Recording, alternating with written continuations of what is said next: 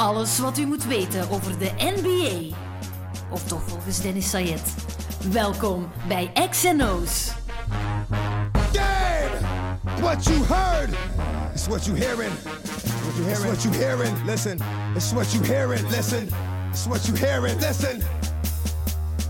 X gon' give it to you. Het is eindelijk zover, lang genoeg op moeten wachten, maar het 73ste NBA-seizoen begint straks. Om twee uur al, we nemen dit op op eh, dinsdagavond. Het is half negen, dus eh, geen tijd te verliezen. hè. Ik zit bij Thomas van de Spiegel thuis. Thomas, we gaan alle 30 ploegen overlopen, zoals vorig jaar. Van slecht naar goed. Oost en West, vier minuten max per ploeg. Zie je Ja, het? nee, perfect. Hè. Vorig jaar was dat ook plezant. eh, en is heel veel beluisterd geweest vorig jaar. Dus Je ziet dat zitten. ja, absoluut. Ik ben er helemaal klaar voor. We beginnen met het oosten. De slechtste conference eerst. Dan zijn we zeker dat de mensen blijven wachten. hè. voor, voor het tweede deel. Dus het oosten. En dan beginnen we met... Start de klok. De Atlanta Hawks. Ehm, vorig seizoen 24 en 58. Eh, verwachtingen van Vegas 23,5 overwinningen. Nieuw Trae Young, vijfde pick. Jeremy Lin is nieuw. Alex Len. Vince Carter, ja ja, 41, nog altijd in de NBA. Justin Anderson en nieuwe headcoach Lloyd Pierce. Ehm, het is duidelijk, deze ploeg wil niet winnen dit jaar. Het is Tankapalooza in Atlanta. Het is echt ongelooflijk als je kijkt naar dat team. Eh, dan verwacht je niet dat ze er eh, 24 gaan winnen ook dit jaar. Nee, eh, eerlijk Totaal gezegd. Nee, eh, het is echt wel... eh, ja, het enige waar we naar uitkijken is misschien een groot woord, maar... eh, Waar we toch allemaal benieuwd naar zijn, is hoe Trey Young het gaat doen. hè. Ja. Toch veel besproken eh, in college. eh, dan nog meer veel besproken tijdens de draft. Ehm, door de, de wissel op draft night met Doncic, eh, waarvan iedereen zich afvroeg van wat gebeurt hier. Ehm, dus ja, heel, heel erg benieuwd naar. Een paar eh, leuke highlights van gezien in preseason. Maar preseason, ja. Maar ik denk niet dat het meer wordt dan dat. Ik ook niet. Ik geloof niet in Trae Young. Ik denk dat de Hawks daar een hele domme trade hebben gedaan. Niet verstandig. Het is te vroeg om dat al te zeggen. Je weet dat nooit, maar ik denk dat dat echt niet slim was. De, ze hebben een, de voormalige, een GM nu is de voormalige assistant GM van de Warriors. Dus die wil eigenlijk de blauwdruk van Golden State overnemen. Hè. Trae Young als Stephen Curry en dan beginnen bouwen in de draft. Ehm, ja, ik weet niet, niet wat dat gaat worden. Dit jaar gaat hij, hij gaat matchen hebben van 40 punten. Maar gaat ook matchen hebben dat hij 6, 8 punten scoort of zo, maar wel 30 shots heeft gepakt. Eh, Ik denk vooral dat ze niet veel gaan winnen. En eh, dat is het belangrijkste. En dan speelt het eigenlijk geen rol. Eh, dan heb je ook geen kans om Rookie of the Year te worden. Ehm, ik denk dat ze echt wel veruit het slechtste team in de NBA Ja, wel een nieuwe coach, Lloyd Pierce. eh, eerste jaar als headcoach. Dat was de eh, defensive coordinator, defensieve coach van Brad Brown bij Philadelphia. Daarvoor met LeBron in Cleveland gewerkt, met Stephen Curry in Golden State. Dus wel een, een goede jonge coach die het ook niet erg vindt, denk ik. Die weet ook wat hij moet doen. Want Boerenholzer vorig jaar die weigerde om te verliezen. Heel simpel. Moest verliezen, deed dat niet. Deze gast gaat dat wel doen. Hè. Eh, maar als je kijkt naar die starting five, voorspeld is het... even denken. Trey Young, Kent Bazemore, Torian Prince, John Collins en Dwayne Dedman. Ja, dat is dramatisch. hè. En Jeremy Lin van de bank. Lin Ja. Sanity. Ja, eh, dat is ook, ook al even geleden. Nee, dus echt, eh, ja, dat is gewoon een dramatisch team. Ik denk dat we zelfs al, eh, we hebben eigenlijk vier minuten per team, maar ik, ik zou wel van mijn tijd willen recupereren om het aan een ander team te spenderen. Eén goed ding over Jeremy Lin. De laatste twee seizoenen heeft hij in 22% van alle mogelijke matchen gespeeld. Ja. Voilà. Boeiend. Goed. eh, next team. Voilà. Atlanta voorbij. Volgende ploeg op de lijst voor mij. Dus het eh, op één na slechtste team in het oosten, de Orlando Magic. Vorig seizoen 25 en 57. Volgens Vegas 31,5 overwinningen. Eh, nieuw dit jaar Mo Bamba, de zesde pick. Jarian Grant, Timofey Mozgov en headcoach Steve Clifford. Die komt Frank Vogel vervangen. Wie is weg? Bismarck Biombo, Mario Hezonja en Shelvin Mack. Die hebben ze gewaved. Het was de assistleider vorig jaar met 3,2 assists per match. Ehm, trouwens niet gezegd wie weg is gegaan bij Atlanta. Boedenholzer, Schreuder, Muscala en Doncic. hè. Die zijn weg bij Atlanta. Goed, even nog vervolledigen. Maar goed, dus ehm, de Orlando Magic, ja, heel simpel. Het is al zes jaar miserie daar. Die ploeg wordt slecht gerund. Dat front office zit daar niet goed. Ze hebben talent met Aaron Gordon, Mo Bamba, ehm, met eh, Jonathan Isaac vorig jaar hun lottery Ja, maar, allee, het klopt die, niet. ja, die drie die je nu daar opnoemt, dat zijn eigenlijk... eh, dat zijn geen jongens die samen kunnen spelen. Dat zijn jongens eh, atletisch, eh, leuk om naar te kijken. Ik kijk eigenlijk ook wel uit naar Bamba. Hè, omdat hij toch die wel, gaat goed worden, denk ik. ja. Echt. Maar tegelijkertijd, ja, je hebt wel nog wat talent lopen hè, met Fournier, met Vucevic. Uiteindelijk heb je daar nog wel talent lopen, maar, maar het plaatje klopt niet. Ehm, en ik mis gewoon een goede point guard. Ja, Eh, en Dat is, het eh, allerbelangrijkste. Laatste wat je zegt. Nu, hun starting point guard nu is DJ Augustine. Ja, die is ondertussen. eh, die is nooit een factor geweest in de NBA. Heeft een verdienstelijke carrière gehad. Maar als je daarop moet gaan bouwen met dat team. Ja, dan weet Nee. je het al dat dit helemaal niks wordt. Ik vind het heel vreemd dat dat kan in 2018 als je erover nadenkt hoeveel goede point guards er zijn. Ik denk dat je echt wel een betere point guard dan DJ Augustine voor een oké loon kan aantrekken. Ja, nee, dat klopt. Ehm, maar natuurlijk, het is niet zo dat je.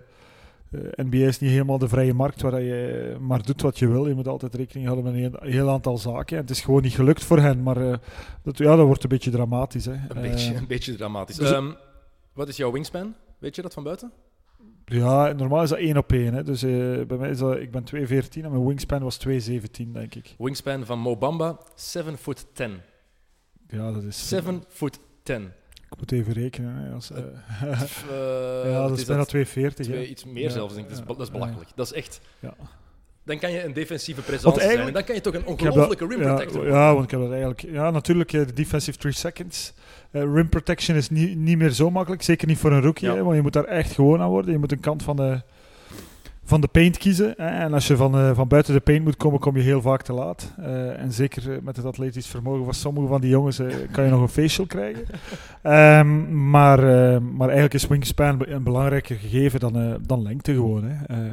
Iemand met zo'n wingspan, als hij zijn armen in de lucht steekt, ja, dan iemand van 22 met korte armen, daar heb je minder aan dan aan, Mo, dan aan Mo Bamba met lange armen. Dus, Dat is eh, een, mooie, een mooie analyse. dus eh, nee, ik kijk er wel naar uit. En, en, en, en er zit wel, ja, ik denk dat we zoveel in highlights gaan zien. Hè, met Gordon, met Bamba.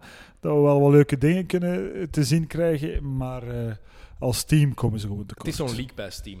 Zo, waar je één of twee quarters van, bekij- van bekijkt, gewoon even om te zien hoe die het aan het doen zijn. Gewoon om een, even een, een, een gevoel bij die ploeg te krijgen. Want Steve Clifford, een paar vragen ook bij die aanstelling. Want ja, het is een oldschool coach die ook oldschool basketbal wil. Ehm, ja, dat wordt moeilijk. Dan die defense werkte ook niet meer die hij had. Eh, vooral rim protection en midrange jumpers afdwingen. Dat is quasi onmogelijk in de NBA 2000, in 2018, vrees ik. Hij gaat zijn, echt wel zijn systeem moeten aanpassen. Ja, ik ben... eh, ja, eigenlijk is eh, Orlando een ploeg. Hè. Als je fan van bent, dan moet je gewoon... Hè, je kan nu tegenwoordig in de NBA gewoon het vierde kwart kopen. Ik zou gewoon Ja. telkens wachten tot het vierde kwart om te zien of ze nog in de match zitten. En, eh, en dan pas beginnen kijken in plaats van de eerste twee kwarten, zoals jij zei. Exact vier minuten, voilà. Team nummer drie vandaag. En dan laat ik de keuze aan jou. Het op twee na slechtste team in de Eastern Conference, Chicago of New York? Ja, voor mij New York. Oké, dan gaan we Eh. naar de New York Knicks. Even zeggen wat ze vorig jaar gedaan hebben. 29 en 53. Volgens Vegas 29,5 overwinningen. Nieuw Kevin Knox, de negende pick. Mitchell Robinson, de 36e pick dit jaar. Mario Hezonja, Noah Vonleh en headcoach David Fisdale. Wie is er weg? Kylo Quinn, Michael Beasley, Jeff Hornacek, die is ontslagen. En Ja, nu komt het. Joachim Noah. Ja, ongelooflijk hè. Het is gelukt. Ja, wat gelukt. Voor New York, hè? Eigenlijk eerlijk gezegd hadden ze hem beter gehouden. Eh, want met dit team, en zeker omdat je Porzingis niet gaat hebben, ehm, minstens tot januari. En hij zelf lijkt aan te geven dat hij misschien heel het seizoen zal missen. Ja. Dus ja, voor New York zit er maar één ding op. Eh, het spijt me om te zeggen, maar het is opnieuw tanken. En het spijt me voor Fisdale. Het enige is, Fisdale is geen coach die gaat tanken. Eh, Maar hij moet het doen. Hij, maar- hij ze kan toch gewoon- niet winnen met deze ploeg? Nee, met deze ploeg kan je echt niet. Kan je echt niet. Ehm, En ze hebben hun eigen draftpick deze zomer. Dat is al heel goed, hè, want de general manager Scott Perry heeft gezegd: we gaan geen draftpicks meer wegtraden. Dat is fantastisch. Eindelijk hebben ze geleerd uit hun fouten tot Ja. James Dolan, de Maar- eigenaar, zich weer gaat moeien en Ja. gaat zeggen: we willen Jimmy Butler. Kevin Knox is ook wel iemand Ja. eh, die goed gaat worden. Hè, waar we toch naar uitkijken. Ook omdat hij in zo'n team terechtkomt waar hij kansen gaat krijgen, waar hij gaat spelen. Hij gaat Eh, echt en hij 20, gaat- 25 shots per match hij mogen gaat, pakken. Hij gaat carte blanche krijgen. Dus eh, dat wordt leuk. Ik, wil, ik ben benieuwd naar Moody ook, wat, wat dat gaat geven. Ze willen Nili Kina op de twee uitspelen, blijkbaar. Ja. Die, dat begrijp ik echt niet. Die gast, zijn shot moet verbeteren, absoluut. En ze willen dat dan zo ontwikkelen, maar dat is toch een point guard? Dat is gewoon een point guard van een meter 98. Ja, klopt. Dus eh, ja, ehm, het zal van Tim Hardaway Jr. moeten komen. Of van Courtney Lee, pas op. Ja. Courtney Lee zit daar ook nog altijd. Dus dan, dan weet je het al. Hè. en Ehm, Enes Kanter, niet het, is vergeten. eigenlijk, het is eigenlijk wel gek dat ze vorig jaar heel lang in de running geweest zijn voor die achtste plaats. Dan volledig weggezakt zijn. Tot Porzingis uitviel Tot- eigenlijk. Hè? Op het moment dat Porzingis uitviel. En nu moeten ze eigenlijk daar gewoon gebruik van maken. En je weet dat ik het haat. En ik denk dat Visdale het nog meer gaat haten. eh, want dat is gewoon een winnaar Ja. eh, van nature uit. Maar eigenlijk moeten ze gewoon eh, laatst proberen worden in de NBA. Want niet vergeten, ze hebben volgend jaar ruimte om free agents aan te trekken. Kevin Durant zou geïnteresseerd zijn, het zijn altijd geruchten, maar Rich Kleiman, dat is een manager-agent, beste maat, weet ik veel hoe het precies zit, komt van New York, wil daar heel graag naartoe. Is KD al wat aan het overtuigen? Je moet daarvoor gaan als je New York bent. Hè. Je moet voor zo'n gast gaan. Als je die kan combineren met een gezonde Porzingis, met een Kevin Knox en met dan een draftpick die je nog sowieso hebt, dan ziet het er ineens veel rooskleuriger uit. Dus één jaar Ja, gewoon miserie. Je hebt gewoon een superstar nodig. Hè? en Die hebben ze al zo lang niet meer gehad in. Porzingis is de superstar geweest. Ja, maar maar tegelijkertijd ja, is Porzingis niet genoeg eh, Alleen. gebleken. Ja, een Durant alleen, daar kan je rondbouwen. Een Porzingis alleen. Eh, nog niet, te jong gewoon. Hè. Gewoon te jong. Ja. Ehm, ben wel benieuwd naar de invloed van Fisdale, of hij daar de cultuur ook wat gaat veranderen. Want ik vond dat onder Hornacek altijd heel negatief. Ja, maar dat gaat niet zo zijn. Visdale gaat ook gewoon. eh, hij is gewoon iemand die past bij, bij, bij, bij de New Yorkse fan. Hè. Ehm, zeer emotioneel. Ehm, hij is donker, wat ook altijd eh, wel helpt bij, dat, eh, bij het publiek in New York. Dus ik denk, er, ik denk dat het wel goed komt. eh, Op termijn. op termijn. Alleen eh, denk ik dat. eh, het zijn echt wel kenners, de fans in New York. of ze, dat denken ze toch van zichzelf. Dan gaan ze ook wel beseffen dat dit het jaar is dat er moet, dat er moet getankt worden. En dat ze gewoon moeten. en ik haat het om het te zeggen, hè, want ik, ik, Uh-huh. ik, ik kan er niet tegen. Maar. Maar tegelijkertijd, ik denk dat dit het jaar wordt dat ze, dat ze het moeten, zullen moeten aanvaarden en er ook eh, wel begrip zullen voor hebben. Eh, laatste vraag over de Knicks. Gaan ze meer of minder dan 30 wedstrijden winnen? Eh, minder als ze heel het jaar Porzingis niet hebben, meer als hij toch vanaf bijvoorbeeld All-Star Break terug is. En als ze slim zijn in New York, wordt het er minder. Ik hoop het voor hen. Next team. De Chicago Bulls. Eh, vorig seizoen 27 en 55, volgens Vegas 27,5 overwinningen. Nieuw in het team Jabari Parker, Wendell Carter Jr., de zevende pick, Chandler Hutchison, dat is de 22e pick, en Antonio Blakeney. Wie is er weg? Jerry Grant, Noah Van Le, Paul Zipser en David Nwaba. Ehm, als je deze ploeg bekijkt, klopt dat niet echt. Je hebt een ploeg met Chris Dunn, Zach Levine, Jabari Parker, Laurie Markkanen, die is trouwens geblesseerd, gaat de eerste weken missen. En dan hopelijk voor Chicago doen ze dat. Wendell Carter Jr., een van de beste rookies in deze lichting, denk ik. Maar de vraag is eigenlijk, wie gaat hier verdedigen? Chris Dunn is de enige, denk ik, die iets kan defensief. Voor de Ja, rest, het is- wie gaat daar echt verdedigen? Die... Zach Levine en Jabari Parker zijn twee van de slechtste verdedigers die de NBA in jaren heeft gezien. Ja, wie gaat er point guard spelen? Dat is eh, ook nog... eh, Chris Dunn. Ja, de backup vooral, moeten- Cameron Payne. Dus het is echt ook weer daar weer... Het is niet alleen verdedigen, het is gewoon een eh, niet uitgebalanceerd geheel, maar wel een aantal talenten. Hè.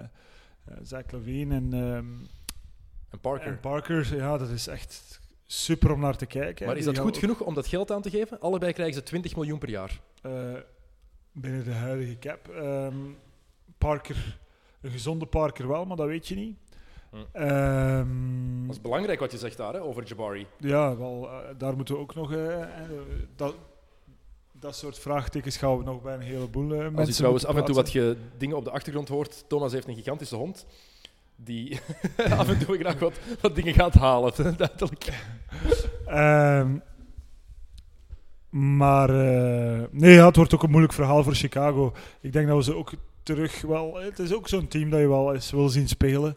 Maar waar je, waarvan je weet van dit wordt niks, dit worden zeker geen playoffs. Dit is wel de ploeg die, als er iemand 70 punten scoort dit seizoen, is tegen Chicago. Ik denk dat dit echt de ploeg is waar het tegen, ehm, tegen, tegen moet gebeuren. En ze gaan blijkbaar voor de playoffs, dat is het doel. dat is al mooi. Ehm, dus ik denk dat Fred Hoiberg terecht mag vrezen voor zijn job. Dat dit het jaar is dat hij ontslagen Ja, ik wordt. vond dat eigenlijk al vorig jaar dat hij moest vrezen voor zijn job. Hè. En eh, het is dan niet gebeurd. Eh, maar dit is wel een team dat je als coach eigenlijk niet cadeau wilt krijgen. Ehm, de vraag is ook voor hierna. Ze gaan een draftpick hebben. Hopelijk voor een top draftpick. Gaan ze, gaat één goede asset erbij goed genoeg zijn met deze kern? Want ik, ik, ik, sn- ik snap echt niet waarom ze bijvoorbeeld Levine een contract voor vier jaar geven. Vier jaar, 80 miljoen. Eh, ik, ik, ja, ik, ik snap dit niet. Laurie Markkanen, ik was niet overtuigd toen hij gedraft werd, maar heeft vorig jaar wel echt goede dingen laten zien. Ik vrees dat het eh, een pijnlijk jaar gaat worden opnieuw voor de mensen in Chicago. Maar zoals je zegt, wel interessant om te zien. En vooral, ik, ik vraag me vooral af wat Jabari Parker gaat doen. Komt van Chicago, zijn thuisstad. Ja. Zich laten zien na die twee knieblessures. De tekenen zijn voorlopig wel oké. Eh, maar wat je daarnet zei, verdedigend zal het niet, zal het niet fantastisch zijn. En eh, nee, iedereen is wel benieuwd. Het is, het is echt een team. Hè, die vorige waar we het net over gehad hebben, New York, Atlanta, Orlando, dat kan je echt supergoed inschatten. Daar weet je perfect wat je moet verwachten. Hier kijk je naar dat roster eh, en dan heb je zoiets van... Dit kan echt ook gewoon het slechtste team in de NBA zijn. Want die Zou chemistry, kunnen. want die chemistry klopt langs geen kanten. En ze willen allemaal shots pakken. Ehm, goed, een ander team waar je het ook niet goed weet wat, eh, wat je ervan moet denken. Als je het mij vraagt, ik denk dat jij dat gaat beamen, de Brooklyn Nets. Vorig seizoen 28 overwinningen, 54 nederlagen. Volgens Las Vegas gaan ze 32,5 matchen winnen. Eh, wie is er nieuw? Ed Davis, Kenneth Farid. Ehm, ze hebben het contract van Dwight Howard ook nog altijd op hun payroll staan. Ehm Shabazz Napier en Jared Dudley. Wie is er weg? Jeremy Lin, Dante Cunningham, Jalil Okafor en Dwight Howard zelf. Dus fysiek zijn ze erin geslaagd om die eh, weg te doen. Ehm, lage verwachtingen voor dit ploeg. Ik denk dat er geen lagere verwachtingen voor een team kunnen zijn als voor de Brooklyn Nets. Ja, nee, het is, eh, ehm, het is ook terug een team dat super moeilijk in te schatten zal zijn. Ehm, maar ik denk niet dat iemand verwachtingen heeft. Um, Farid is altijd wel voor dat soort team iemand die er een beetje leven kan inbrengen. Ehm, maar voor de rest, ja, het blijft eh, eh, kijken naar Hollis Jefferson, naar Crab. Of Le dat die- Levert, Ja, Levert zijn ze blijkbaar ongelooflijk zot van. Daar, eh, D'Angelo Russell moet de Dane volgende Whittle, dat zijn allemaal wel jongens, dat zijn allemaal wel jongens die kunnen ballen. zetten. Er ontbreekt zo één iemand, hè. echt Ja, zo maar- iemand die... Ja, echt iemand waar ze. Ja, Russell loopt daartussen. Dus ehm, er, er is echt wel wat talent. En ik denk dat het leuker gaat zijn om naar te kijken ehm, als die elkaar vinden. Eh, we missen vooral. Ja, eh, misschien nog altijd een big guy eh, die ze niet echt hebben. Ehm, Ja, het is ehm, Jared Allen is daar de big guy, eh, tweedejaarspeler, nu 20 jaar nog altijd maar. Een ongelofelijke springveer. Ehm, ik denk wel dat deze ploeg het beter gaat doen dan veel mensen denken, opnieuw. Ehm, de cultuur ja, maar dat wil dan zeggen 30 matchen winnen. Hè. Ja, Ja, ik denk vijf, dat ze richting 35 kunnen gaan. Nog altijd in het oosten, hè, mogen we niet vergeten. Ja, hè. ja, die nee, spelen dat veel in hun eigen divisie. Ja, die spelen veel tegen elkaar. Dus Voilà. dat wordt echt wel uitkijken naar eh, Atlanta, Orlando en, eh, Oh, en New York, Brooklyn. eh, Oh. de- het derby. Ehm, dus, maar klopt wel wat je zegt. ehm, maar zij gaan het beter doen dan die anderen. Uiteindelijk zijn zij ten opzichte van vorig jaar niet veel slechter geworden. En ook, voor, zelfs, denk ik. en ook, eh, op, en voor, ook vorig jaar hebben ze op de een of andere manier zijn ze erin geslaagd van toch wel een resultaat eh, bij elkaar te spelen dat niemand van hen had verwacht. Mm. Ehm, maar het blijft natuurlijk eh, een echt een echte werf. Hè. Het is echt under construction en er is toch nog een aantal jaren werk. Ik vind die aanwervingen omdat- niet... wie ze hebben aangenomen... eh Shabazz Napier, Ja, nog en- altijd goede ja, ja, speler. en- Ehm, wie is er nog bij gekomen? Kenneth Farid, een goede pick-up. Als je dat ge- zeggen, hoeveel is het? Ja, als ik, het, als ik het goed voor heb, is Sean Marks daar nog altijd eh, de man die het voor het zeggen heeft. En die heeft toch al blijk gegeven van visie. Eh, is gewoon niet geholpen eh, door alles dat in het verleden misgelopen is. En, en hij is eigenlijk dat nog allemaal aan het opkuisen. Maar, Dankjewel, Danny Ainge. Ja, maar die heeft zich goed herpakt. Eh, maar eh, ja, Ainge heeft dat fantastisch natuurlijk uitgebuit eh, in de tijd. En, eh, en ook geprofiteerd van de naïviteit van, eh, van de eigenaar, hè, van Prokhorov Ja. toen. Hè. Ehm, dus dat, eh, die grote trade van toen, ja, daar dragen ze nu nog altijd de gevolgen van. Ehm, maar op zich eh, getuigt het wel van enige visie. Ze zouden beter verliezen wel. Ze hebben, voor het eerst hebben ze hun eigen draftpick terug. Voor het eerst sinds 2013. Echt belachelijk, hè? Dat is gewoon te onnozel voor woorden. En net dan gaan ze niet bij de slechtste vier in het oosten zijn, vrees ik. Ik denk dat het echt eh, nog oké gaat zijn tegen een ploeg is die echt wel meer dan 32 matchen kan winnen. Ehm, alles hangt er ook vanaf. Gaat D'Angelo Russell fit blijven? Vorig jaar blessureleed gehad. Die moet echt wel Ja. die belofte beginnen inlossen als eh, voormalige second draft pick. Goed, vier minuten voorbij. Next one. Blijven in het oosten natuurlijk. De Detroit Pistons zijn mijn volgende ploeg. Vorig seizoen 39 gewonnen, ehm, 43 verloren. Volgens Las Vegas gaan ze 37,5 matchen winnen. Nieuw in de ploeg, Zaza Pachulia. José, José Calderon, moet ik correct zeggen. Glenn Robinson III en nieuwe headcoach Dwayne Casey, de regerende coach of the year. Wie is weg? Anthony Tolliver en headcoach slash president of basketball operations Stan Van Gundy. Ehm, de Pistons hebben alles ingezet op de combo Blake Griffin, Andre Drummond. Wel, ik zal u direct onderbreken, Dennis. Voilà. Dat, dat is niet meer van deze tijd. Dat is gewoon een combo die... Ten eerste, Griffin eh, is de laatste drie jaar een schim eigenlijk eh, van de speler die hij daarvoor was. Eh, onder andere door een aantal blessures. Ehm, Drummond is een center uit een ander tijdperk. hè. Twintig jaar geleden, hè, in de roaring 90s, hè, toen... eh, toen Pat Ewing nog speelde en zo zou dat iemand geweest zijn die heel veel belang had. Ehm, maar ehm, op vandaag is die combo gewoon niet houdbaar binnen de huidige NBA. Voeg daar nog Pachulia aan toe. En dan, eh, en dan weet je waar Detroit voor staat. Dus dat, dat wordt echt ook een heel moeilijk verhaal. En het is niet zo dat ze heel veel andere opties hebben binnen dat, binnen dat roster. Financieel ook sowieso niet. Hè. Andre Drummond gaat dit jaar 25,4 miljoen verdienen. Blake Griffin 32. Ja, nodig hebben, hè, 32. Dru- Drummond, want er zijn twee vrouwen zwanger van hem Is momenteel. Ja, Dat heb ik zelfs niet gelezen. op hetzelfde moment. Dus ze bevallen ongeveer in dezelfde periode. Oh, goeie bal, Andre. Gedaan. Oh. Dus een Ehm. efficiency rating is eh, plots... Hey, altijd heel hoog field goal Ja, percentage. dat klopt. Ja. Allemaal, allemaal layups en dunks.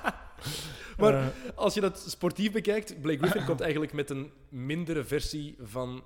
Bij een mindere versie van DeAndre Jordan terecht. Atletisch gezien dan. Een betere verdediger in Drummond waarschijnlijk. Maar ja, ik word daar niet warm van, van deze ploeg als je dat bekijkt. Glenn Robinson III, toffe pick-up. Maar Stanley Johnson, Luke Kennard, ja, Langston Galloway. Reggie Jackson is daar de, de belangrijkste speler na Drummond en Griffin. dat zegt alles. Hè. En die heeft vorig jaar Eh. 37 matchen gemist.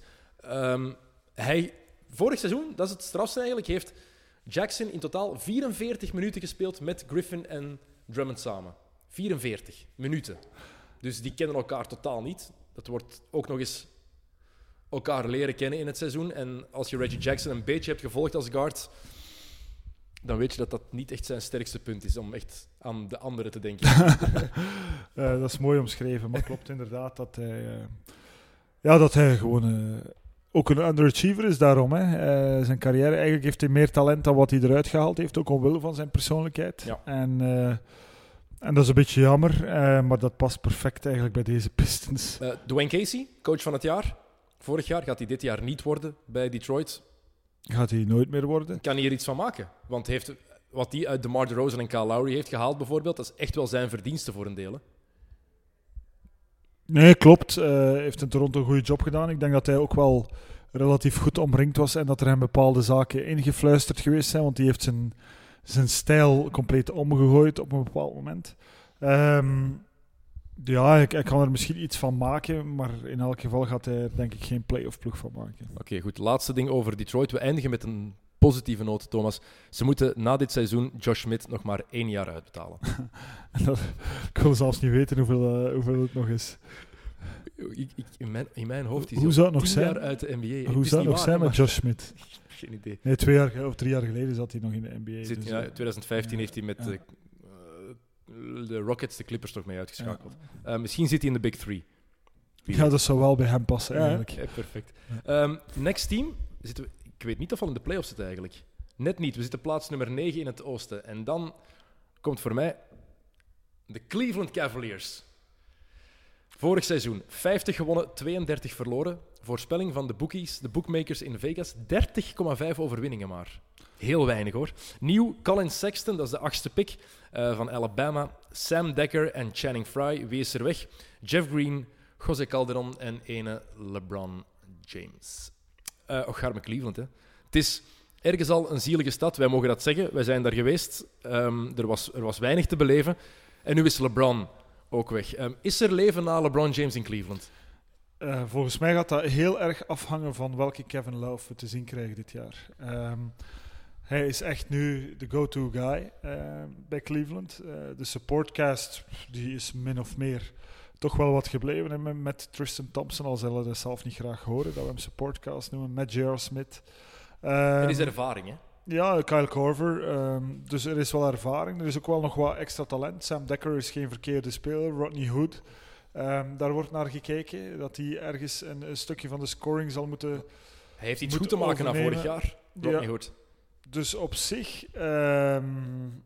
op zich ziet het er niet super slecht uit. Maar alles gaat staan of vallen met, de, met de, welke love we te zien krijgen. Hè. Of we de love te zien krijgen van bij de Wolves in de tijd. Of we de love te zien krijgen die zich eh, in de hoek gaat zetten en eh, gaat wachten op de bal die naar hem komt. Ik denk dat we die eerste gaan krijgen. Dus laat ons hopen dat we die eerste krijgen. En dan zie ik ze eigenlijk wel meedoen voor plaats 8. Maar hoe- sowieso.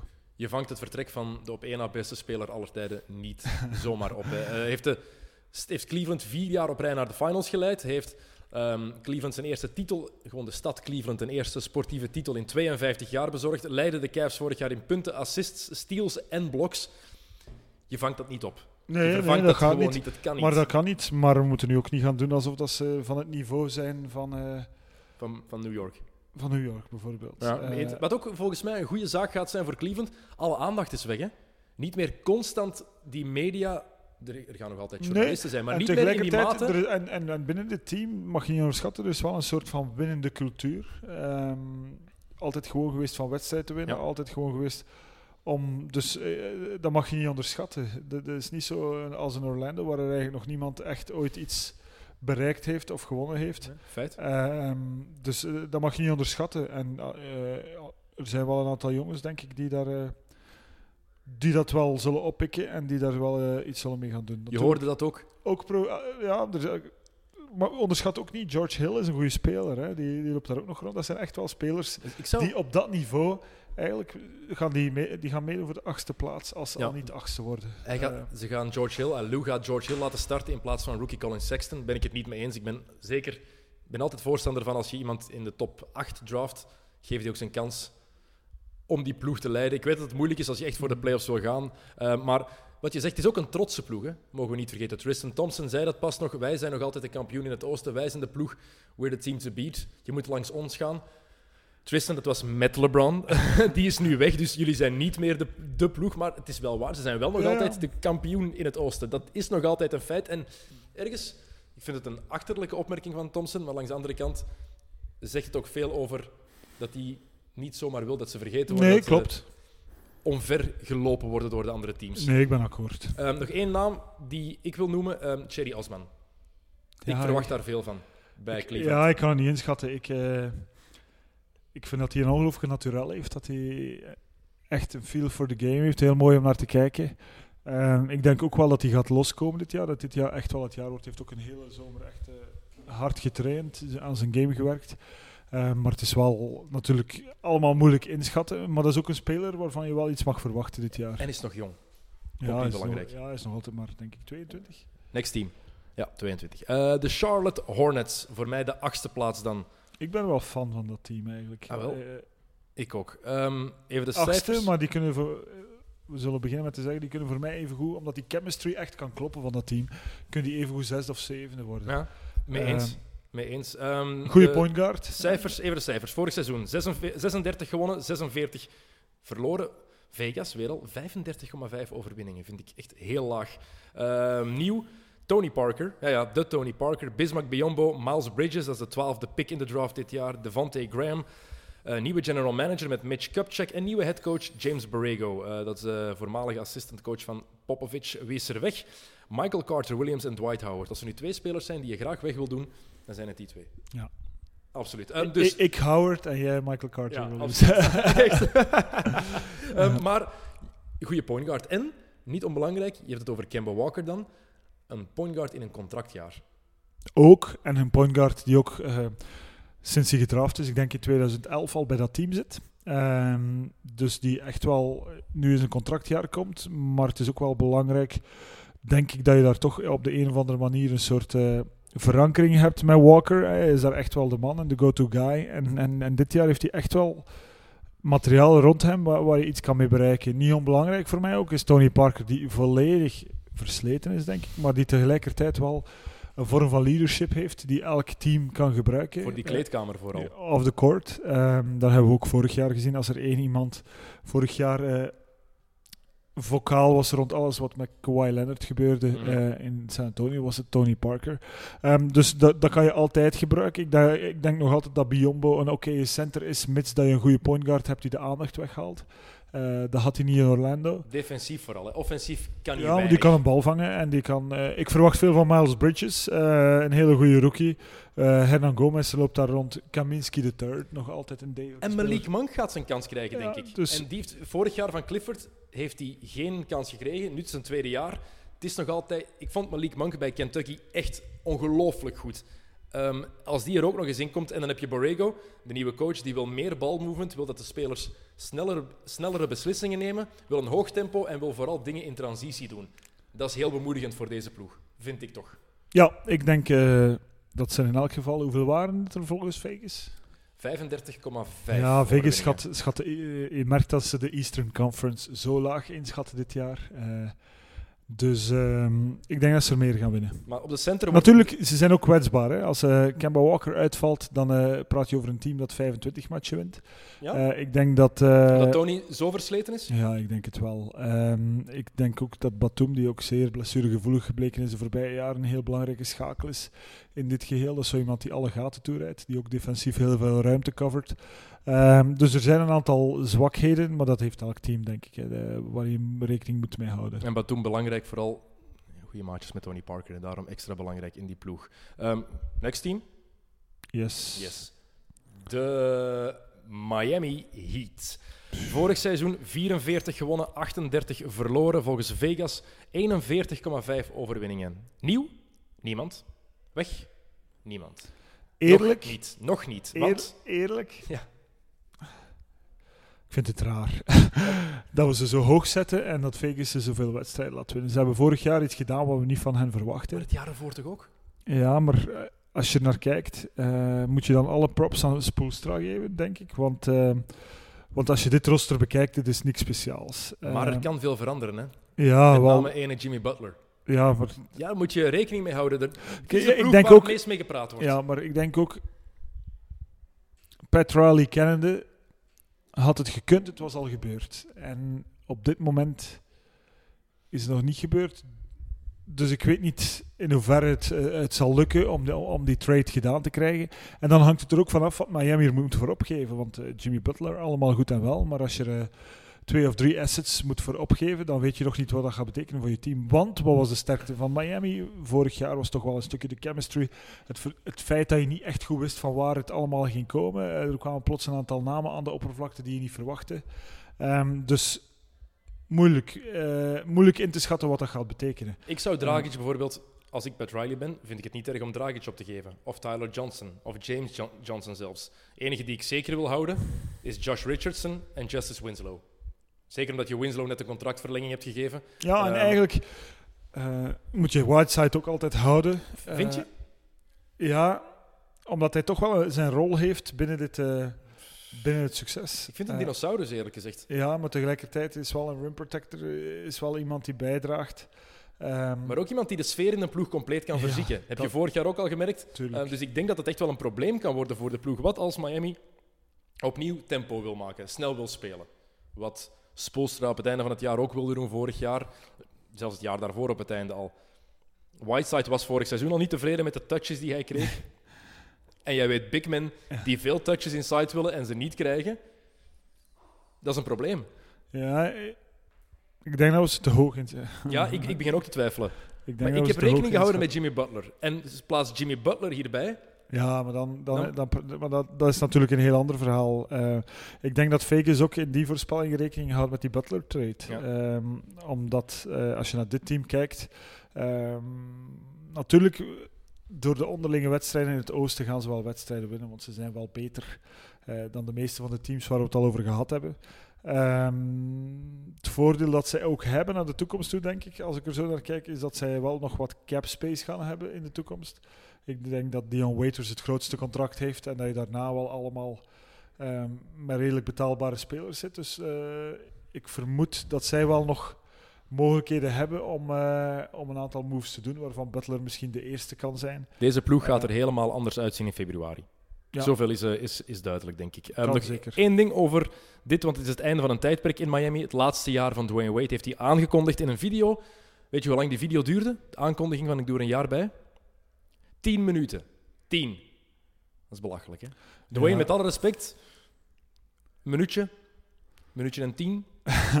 dat, dat is echt genoeg, hè? Maar Dennis, het zegt alles over jou dat je die volle 10 minuten daarna gekeken hebt. Maar eh, ik lees dat gewoon op Twitter. Hè. Ik Ja. kijk zelfs niet naar die video. Ik play, ik luister de eerste minuut en ik kijk hoeveel er nog op die tijdslijn staan naar Ah, het einde. En dan, ja, Maar oké, ja, Dwayne eh, in zijn team, hè, dat, het is toch een beetje zijn team. Eh, Chicago moest zijn team worden, maar dat is niet echt geslaagd. Ehm, dus Miami is het, zijn enige echte team en we moeten het hem wel gunnen. Plus hij heeft in preseason toch nog een paar eh, moves laten zien, eh, waardoor hij plots weer tien jaar jonger leek. Laten we gewoon genieten van een laatste jaartje ehm, Dwayne Wade. We zijn bij de top 6 beland, dus komen bij de zes leukere teams. En dan het eerste ploeg, de eerste ploeg meteen, dit wordt een leuke, de Washington Wizards. Vorig seizoen 43 en 39 volgens Vegas, 44,5 overwinningen. Nieuw, oh die namen, heerlijk. Dwight Howard, Austin Rivers, Jeff Green. En ze hebben Troy Brown Jr. gedraft. En wie is er weg? Marcin Gortat en Mike Scott. Ik weet niet waar ik moet beginnen. Echt, we, we gaan even beginnen over de We nieuwkomers. zullen, we zullen beginnen met te zeggen van 44 matchen. Hoe? Ehm, In het oosten. Oké, spelen ook tegen ploegen van het westen natuurlijk, maar ik denk wel dat deze ploeg 44 Ja, kan winnen. Sowieso moet John Wall eh 10, 12 kilo vermageren. Echt. Mensen die het niet weten, zoek een foto van John Wall. Ja, eh, Het is echt- John Wall heeft zich eventjes laten gaan deze zomer. Ehm beetje gênant. Eh, heeft ook eh, een beetje gras gerookt, lijkt het wel op Echt? sommige foto's. Ziet er Zijn zo stoned uit. zijn ogen staan niet altijd heel erg goed. Dus ik hoop eh, met het vervroegen van het seizoen, hè, want we beginnen twee weken vroeger dit jaar, dat hij daar rekening mee heeft gehouden in zijn, eh, in zijn practice schedule en dat hij toch in vorm geraakt Ah, is. daarom zei hij vorig jaar Everybody Eats. Nu, hij heeft het deze zomer gedaan. Baats, oké, ik ben mee. John Wall's ding. Ehm, ja, John Wall, een paar vragen. Staat hij echt te dik? Kunnen zijn ploegmaats hem nog wel uitstaan? Ja. Ook niet onbelangrijk. En dan Nee. doen ze er iemand bij die letterlijk door alle ploegen waar hij de laatste jaren gespeeld heeft, weggeduwd is. En waar ze zelfs gejuicht hebben toen ze hoorden dat hij getrade was met Dwight Howard. Ehm, dit is zijn zevende club in acht seizoenen. Weet je hoe hij, hoe Ja. hij zijn... Oh, vreselijk. Hoe hij aangekondigd heeft dat hij naar Washington ging, hè, op, op zijn persconferentie in Washington. Het is typisch, dit is tekenend waarom veel mensen Dwight Howard niet meer kunnen uitstaan. I learned magic for eight years, went to La La Land, worked for a while with Rockets, learned to fly with some Hawks, got stung by the Hornets, and it all taught me how to be a Wizard. Nu jij. Mijn dochter zou ook zo'n gedichtje maken. Eh, dat mag. ja. Maar ehm, nee, ja, Dwight Howard is Dwight Howard. Ehm, maar eh, wat vooral belangrijk is, denk ik, van, eh, van die laatste acht jaar, dat we onthouden dat die teams eigenlijk altijd beter presteerden als Dwight Howard gekwetst was. En dat is, niet, dat, dat is echt zo. Mhm. Ehm, dus, ehm, dus als de Wizards ergens die 44 matchen willen winnen dit jaar, dan ze moeten er ook gewoon niet op rekenen dat Dwight Howard een heel seizoen fit gaat zijn. Hij is al geblesseerd. Hè? En Hij heeft eh, een blessure aan de kont. Echt. He's got a butt injury. Het echt, past allemaal perfect bij Dwight Howard. Nee, absoluut. Dus eh ehm, ja, moeten we nog eventjes verder gaan. Hè. Eh, ja, wat ik over Dwight Howard wil zeggen. Eén, in de kleedkamer gaat dat niet gemakkelijk zijn, zeker in die kleedkamer al. Maar op papier, puur als je kijkt naar basketbalgewijs, heb je met Bradley Beal en John Wall misschien wel het sterkste backcourt in het oosten. Twee heel goede guards. Ik vind Beal nog altijd fantastisch. Als Dwight Howard gewoon pick-and-roll zou willen spelen, screen zetten, naar de basket rollen, rebounds pakken, niet die bal eisen in de blok. En nu wil hij jump shots gaan pakken. Hij wil echt jump shots beginnen nemen. Wat helemaal belachelijk is. Als die gewoon zou screen zetten, rollen naar de basket en rebounds pakken, dan zou Washington echt een gevaarlijke ploeg kunnen zijn. Ben ik heilig van overtuigd. maar dat gaat, niet? ja, ja, maar dat gaat gewoon niet. Maar uiteindelijk is wat jij nu aan het zeggen bent, dat is eigenlijk wat Gortat deed. En dat paste perfect eh, bij dat team. Maar en dat, Wall en Gortat, En dat, eh, ja, maar Wall en Gortat kwamen niet zo goed meer overeen.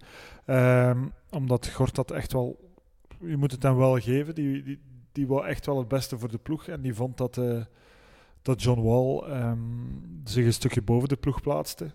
Ehm, dus ja, het, het, wordt- het wordt echt wel niet makkelijk dit jaar in Washington. Ehm, Ze hebben een betere bank. ik zie ze, ja, ze zijn wel dieper. Ehm er zijn wel wat volk op de bank dat kan basketballen. Hè. Eh, eh, Jason Smith, eh Austin, Oubre. Oubre, Austin Rivers, met alle uiteindelijk toch wel een NBA-speler geworden. We hadden het nooit gedacht.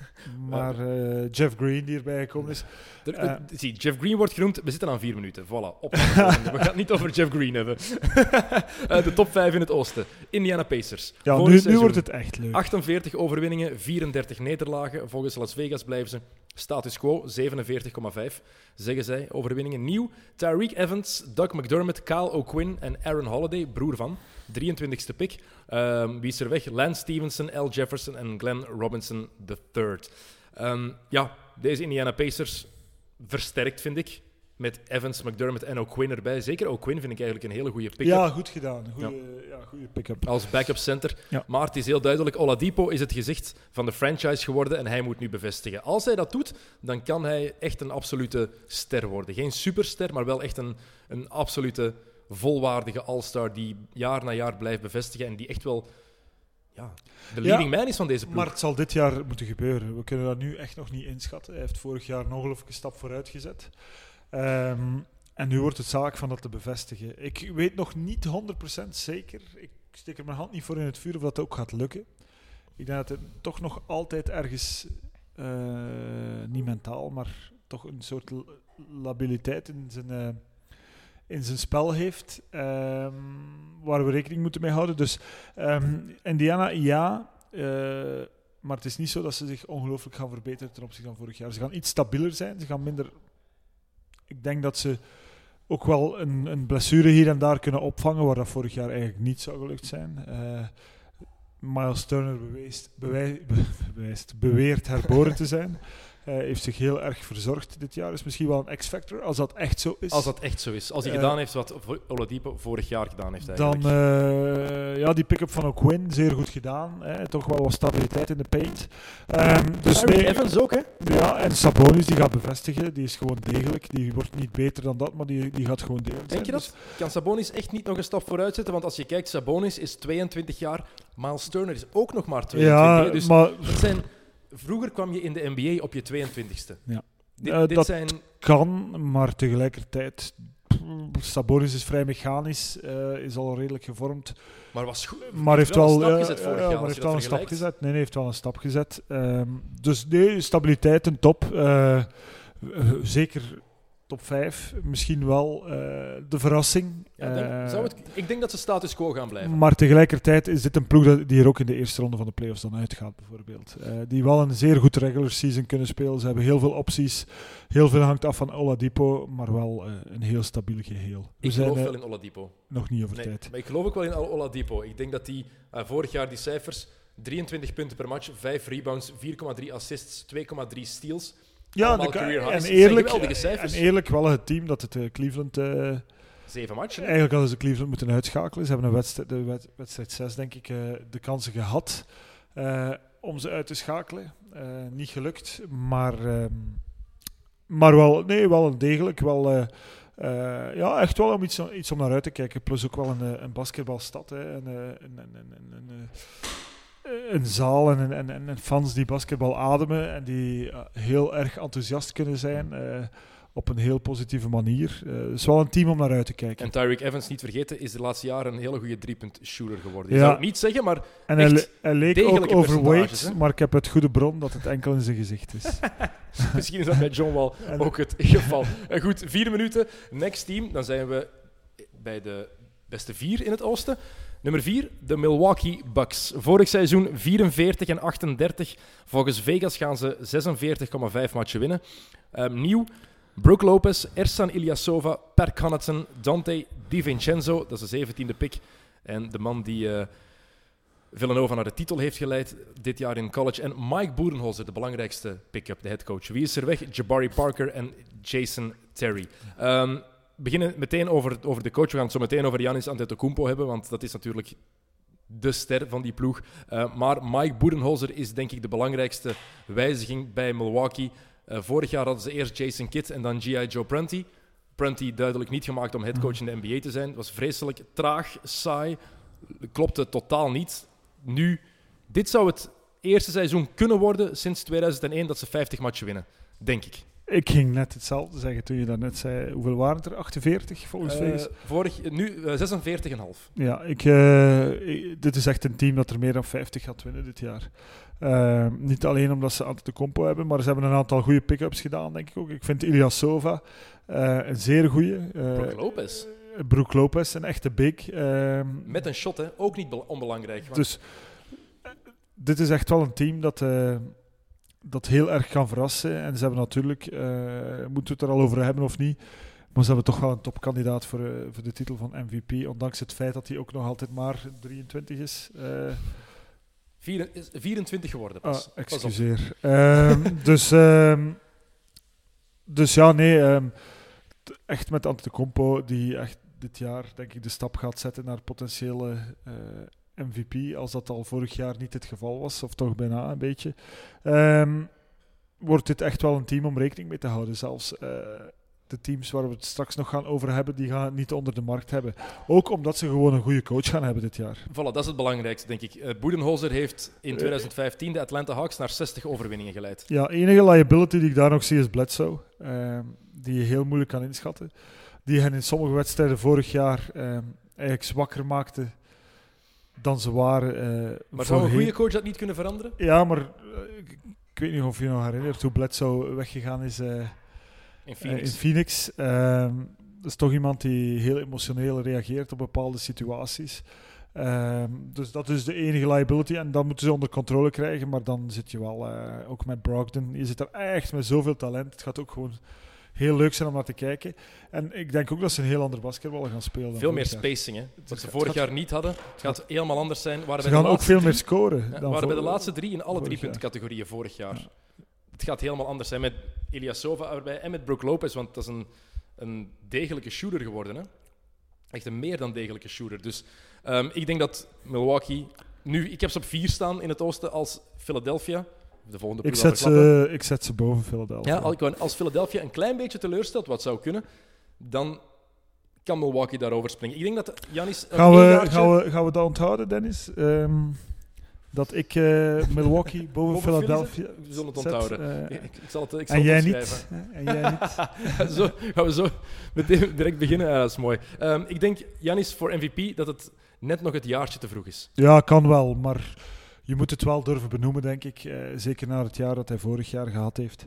Uh, er zijn ook heel veel kandida andere kandidaten. Uh, maar heeft, heeft ook een shot ontwikkeld. Hè? En als dat erbij komt, als hij echt een constante in zijn well, shot kan krijgen... Shot is er al. Vroeger had hij dat totaal niet, maar er is nog werk aan. Hij heeft nog misschien ja, één of twee zomers nodig om daar echt een, een, een, een constant wapen van te maken. Ja, Als dat erbij komt, is het echt... Maar dan moeten we zelfs niet meer kijken. Dan is de opvolger van LeBron... Dat is het moment voor LeBron om te stoppen. Als Janis een shot constant is geworden, mag LeBron ermee ophouden. Goed, vier minuten voorbij. Top drie. We hebben het al verklapt. De Philadelphia 76ers. Vorig seizoen 52 overwinningen, 30 nederlagen. Niet vergeten, vooral het tweede deel van het seizoen eigenlijk heel goed. Volgens Vegas 54,5 overwinningen. Nieuw in de ploeg Wilson Chandler, Mike Muscala, Zaire Smith, 16e pick, Shake Milton en Landry Shamet, allebei rookies. En nieuwe general manager met Elton Brand. Um, wie is er weg? Marco Bellinelli, Ersan Ilyasova, Rashawn Holmes, Justin Anderson en Timothée Luau Cabarro. Um, heel wat shooting vertrokken met Bellinelli en Ilyasova. En het is duidelijk, ze zetten echt in op Markel Fultz dit jaar. Hè. Ja, en ik dat ben is... niet zeker of dat zo verstandig is. Ja, dat is dus echt een, uh, het risico. Dat ze, ik zie twee uh, potentiële risico's waardoor ze zouden kunnen ontgoochelen. Dat is enerzijds Fultz. We weten het eigenlijk niet. We weten het nog altijd niet. Um, Preseason zag er oké okay uit. Spacing gewijs, uh, de combinatie Embiid, Simmons, Fultz is ook iets heel raars. Mm -hmm. um, om die samen te laten spelen, zeker Simmons, Fultz samen, dat is niet evident. Um, dat is het eerste, hè, dat we nog altijd niet weten hoe goed uh, Fultz al dan niet kan zijn. Hoe gaan ze hem gebruiken? Gaan ze hem laten starten? Gaan ze hem van de, van de bank ze laten komen? Ze willen hem laten starten blijkbaar. Ik zou, hem van de bank laten komen. Ik zou hem van de bank laten komen. Ik ook. Um, maar dan een tweede Eh groot risico dat zij hebben is eh, hoeveel matchen gaat Embiid gezond zijn dit jaar. En, en daar moeten we ook rekening mee houden. Dat Embiid misschien maar 50 matchen eh, gaat spelen, 60 matchen gaat spelen. En dan, Dat is eh, niet genoeg, hè? en dan, dan ga je geen 55 matchen winnen dit jaar. En dan ga je niet, ga je niet derde worden. Een Eh, opvallend cijfer dat ik gelezen heb. ehm, vorig seizoen waren ze 40 en 22 in wedstrijden wanneer Embiid minstens 10 minuten speelde. Ik vond dat heel teleurstellend, dat cijfer. 40 dacht- en 22. Je dacht dat meer ging zijn? Ja, ik ook. ehm, 50 en 12? Ja, ik dacht dat... Ja, dat, dat is echt eh, de perceptie natuurlijk. Hij is natuurlijk alomtegenwoordig als hij speelt, maar eigenlijk hebben ze vorig jaar nog goed een plan getrokken zonder hem. Ehm, dus eh, misschien kan dat dit jaar ook wel. Maar ze hebben daar natuurlijk eh, met Bellinelli en Ilyasova zijn ze toch wat vetpower eh kwijtgeraakt. Het is erg, hè? Dat we, dat we zeggen dat het Ja. door het vertrek van Bellinelli en Ilyasova komt dat Philadelphia minder kan zijn. Het is, niet vergeten, Fultz is nog altijd de nummer 1 pick. Hè? Dan heb je nog altijd een chip on your shoulder en wil je, wil je wel iets laten zien, denk ik toch. ehm, al die kritiek over zijn shot vorig jaar. Is het mentaal? Is het die schouder? We weten het nog altijd niet zeker wat, eh, wat het is eigenlijk. Maar je zei het al, die spacing gaat heel belangrijk zijn. Want hij heeft dat driepuntshot nog niet echt in zijn arsenaal. Hij, hij zal het wel pakken als het moet. Ja. Liever, liever midrange. En als, dat gaat voor een hele, hele, hele vreemde spacing zorgen. Ja, en, en, en, en eh, JJ Redick gaat daar super belangrijk worden. Het jaar van JJ Redick. Is het de eh, enige shooter die erover is? Even kijken. Covington, als je dat een shooter kan Ja, noemen. hetzelfde met Saric? Saric. Kan eens, kan eens binnenshotten, maar dat is geen, dat is geen wapen, eh, geen constant wapen. Oké, Dus, positief over Philadelphia. Defensief gaan ze geweldig zijn. Simmons en Beat, Fultz, drie hele goede verdedigers. Covington, Ja. Degelijke verdediger. Saric, ook geen slechte verdediger. Dus defensief kan je zoveel dingen creëren om het die aanval gemakkelijker te maken. Hè. Dan maakt die spacing niet uit als je kan gaan lopen. En als je kan gaan lopen met Fultz, blijft een goede atleet, met Simmons en met Embiid, dan zou ik toch schrik hebben als tegenstander. ja, nee, klopt. Ehm, maar ik wil het allemaal nog zien. Eh, het lijkt me niet allemaal... eh, iedereen kijkt enorm uit naar de Sixers. En ik heb, heel veel, ik, ik heb er heel veel vraagtekens bij. Straks Sixers. ze, hebben, ze hebben ons zo geenthousiasmeerd eh, vorig seizoen. En we gunnen het hen allemaal eigenlijk wel een beetje. Maar eh, pff, het, het staat toch nog allemaal wat op losse schroeven. En je hebt toch nog niet het gevoel van dit is een franchise die er, die er staat. Die hebben nog wat jaren nodig en er moet daar toch nog wat aan gesleuteld worden. En ze hebben maar vijf playoff matchen gewonnen vorig jaar. Niet onbelangrijk. Goed, vier minuten gepasseerd. Next team, top 2. Tweede plaats in het oosten, de Toronto Raptors. Vorig seizoen 59 en 23, beste record in de Eastern Conference. Volgens Vegas 54,5, 54,5 overwinningen. Nieuw, Kawhi Leonard, Danny Green en Greg Monroe. Weg, DeMar DeRozan en Jacob Pultel. Ook nieuw, was er al als assistant, maar nieuwe headcoach met Nick Nurse. En dat is iemand die jij persoonlijk kent, waar je zelf nog mee samengewerkt hebt. Ehm, jonge gast, gaat een nieuw elan in die ploeg proberen brengen. Alhoewel, Jong, ondertussen niet meer zo jong. Maar, voor eh, NBA headcoach termen is dat nog jong. Hè? Maar ehm, ja, moeilijk in te schatten. Ehm, allemaal. Ik denk ook voor Nurse. eh serieuze vuur, vuurdoop. Hij heeft wel eh, heel wat assessments overleefd. Hè. Hij heeft het eh, gehaald van onder andere Messina. ehm, maar ook een heel aantal andere ervaren coaches. Dus in Toronto, die gaan niet over één nacht ijs. Dus daar zijn ze wel van overtuigd. Dat kan wel goed komen. Maar natuurlijk, alles staat of valt met de enigmatische eh, eh, Hey, die lach. Kawhi Leonard. Ja, dat- ik wil het over zijn lach niet meer Nee. hebben. Och, arme die jongen. Ik- eh, nee, eh, dat wou ik net zeggen. Iedereen zaagt constant over het feit dat hij zo gesloten is. En ik vond die lach echt niet zo erg. Als een van mijn maten zo zou lachen, ik zou het fantastisch vinden. Ja. Het is toch altijd, echt altijd plezant. De vraag is, welke krijgen we prime Kawhi? En krijgen we Kawhi 82 matchen te zien? Vorig seizoen heeft hij maar 9 wedstrijden gespeeld. En nog om, belangrijk daarbij is, hoe geëngageerd is hij voor Toronto? En de laatste is niet onbelangrijk. Ik denk dat dat gaat meevallen, want hij gaat voelen, heel het land staat achter hem. Hè? Heel Canada staat achter die ploeg. Dat is gewoon zo bij Toronto. Je voelt dat da- daar buiten ook. Ehm, in Jurassic Park, zoals ze dat zo mooi noemen. Ik denk dat Kawhi Leonard zich echt gaat willen bewijzen en zich ook, gaat bewijzen. Want als je een jaar niet gespeeld hebt en je houdt zo van het spelletje, dan, dan kan dat niet anders dan jeugd. ja, het is nog altijd een vreemd verhaal. We kennen niet al ins en outs. Ehm, maar toch wel speciaal eh, dat het nu in Toronto moet gebeuren. Hè. Heel vreemd. Natuurlijk, als je nu naar dat roster kijkt, dat is echt wel ook een goed roster. Hè. Danny Green is daarbij, is toch wel degelijk.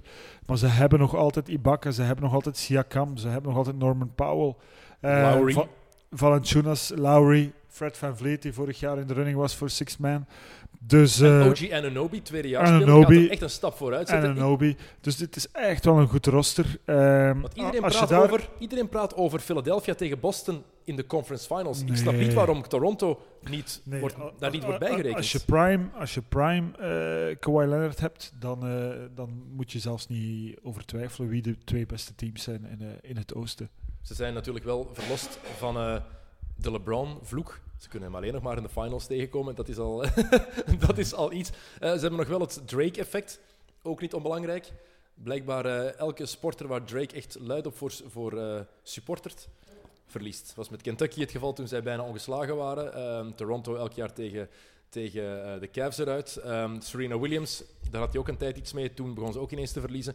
En vorige week, of was het al anderhalve week geleden, zat hij ehm, bij de entourage van Conor McGregor. dus je bent gedoemd. eh, maar je gaat je wel goed geamuseerd hebben. dat is een feit. Eh, laatste ploeg in de East. En dan kunnen we naar de sterkste conference overgaan. De Boston Celtics. 55 en 27 vorig jaar volgens Vegas. Dit is echt, als je kan gokken, 57,5 ve- 57,5 overwinningen volgens Vegas. Altijd inzetten dat die meer gaan winnen. Hè? Ja, dat is 60 plus. Eh, Echt, die sowieso. gaan hè. echt sowieso meer dan, eh, dan 60 wedstrijden winnen dit jaar.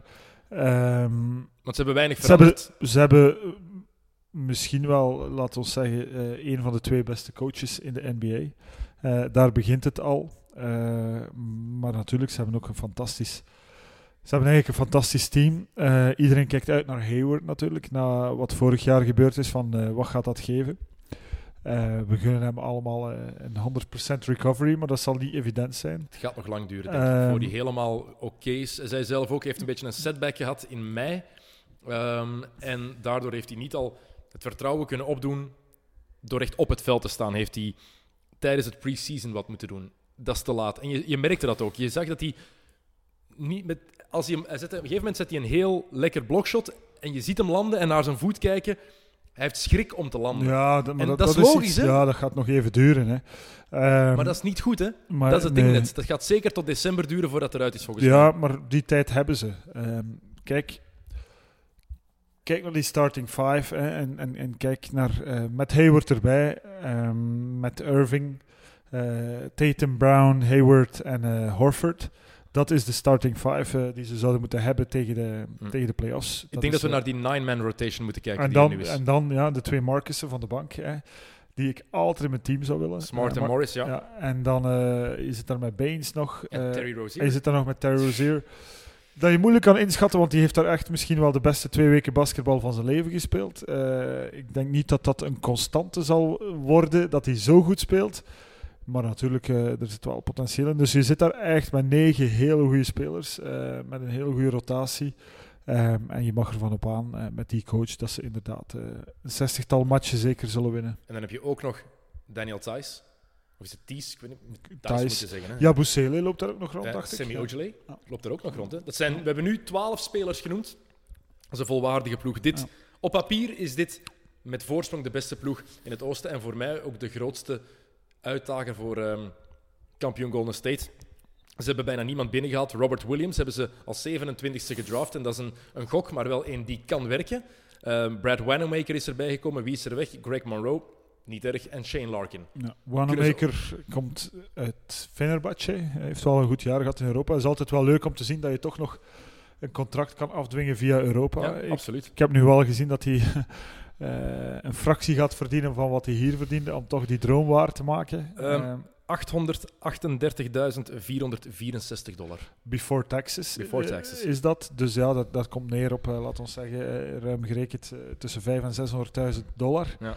Eh, Brad Wanamaker in Europa was toch wel iemand van eh, rond de 2 miljoen euro netto. Dus je moet het eh, hem wel geven dat hij zijn droom wel nastreeft. Hè, en, eh, Hij is een Celtic. van, eh, Hij is een Celtic. Een paar opmerkingen nog. Ik ben heel benieuwd hoe Rozier en Morris ermee gaan kunnen leven dat ze minder minuten gaan krijgen, want dat gaat sowieso het geval zijn. Zeker Rozier, zoals je zei, in de playoffs twee beste basketbalweken uit zijn leven, ehm, heeft een contractaanbod gekregen, verlenging van de Celtics, heeft hij naast zich neergelegd, want hij wil starten voor een NBA-ploeg. Ja, maar ik kan nog eens, dat kan eh, voor zorgen, ik kan nog eens advocaat van de duivel spelen. Eh, daarvoor zit ik hier. Ehm Kyrie Irving, fysiek, die gaat terug geen eh, 82 matchen gezond zijn, vrees ik. Dat is de vraag. Eh, en dan gaat Rozier waarschijnlijk dat eh, terug mogen moeten overnemen. Ehm, dus dat kan misschien wel nog eh, ergens een oplossing tussen aanhalingstekens zijn.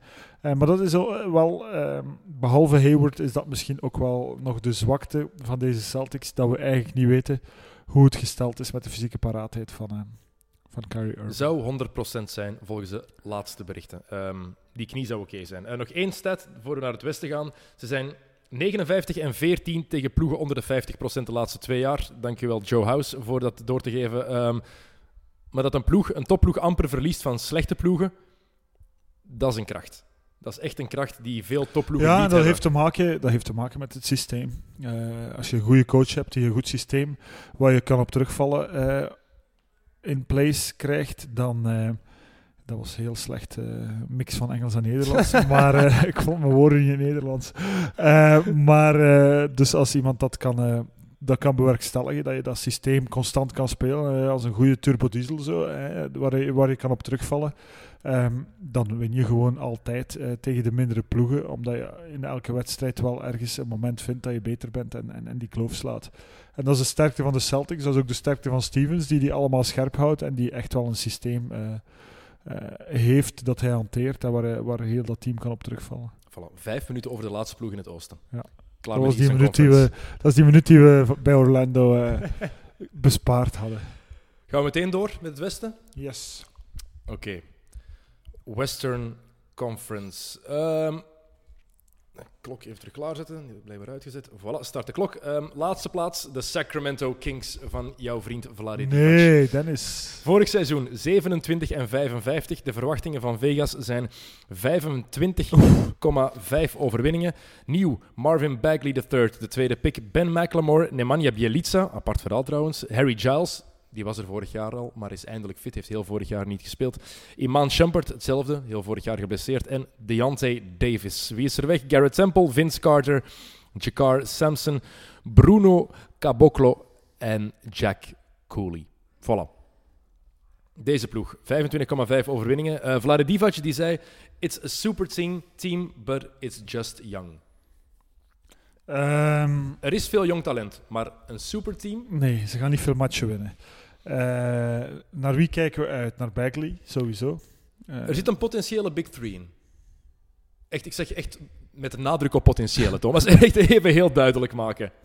Met Bagley, Giles en De'Aaron Fox. Giles, hele goede verdediger. Bagley, offensief.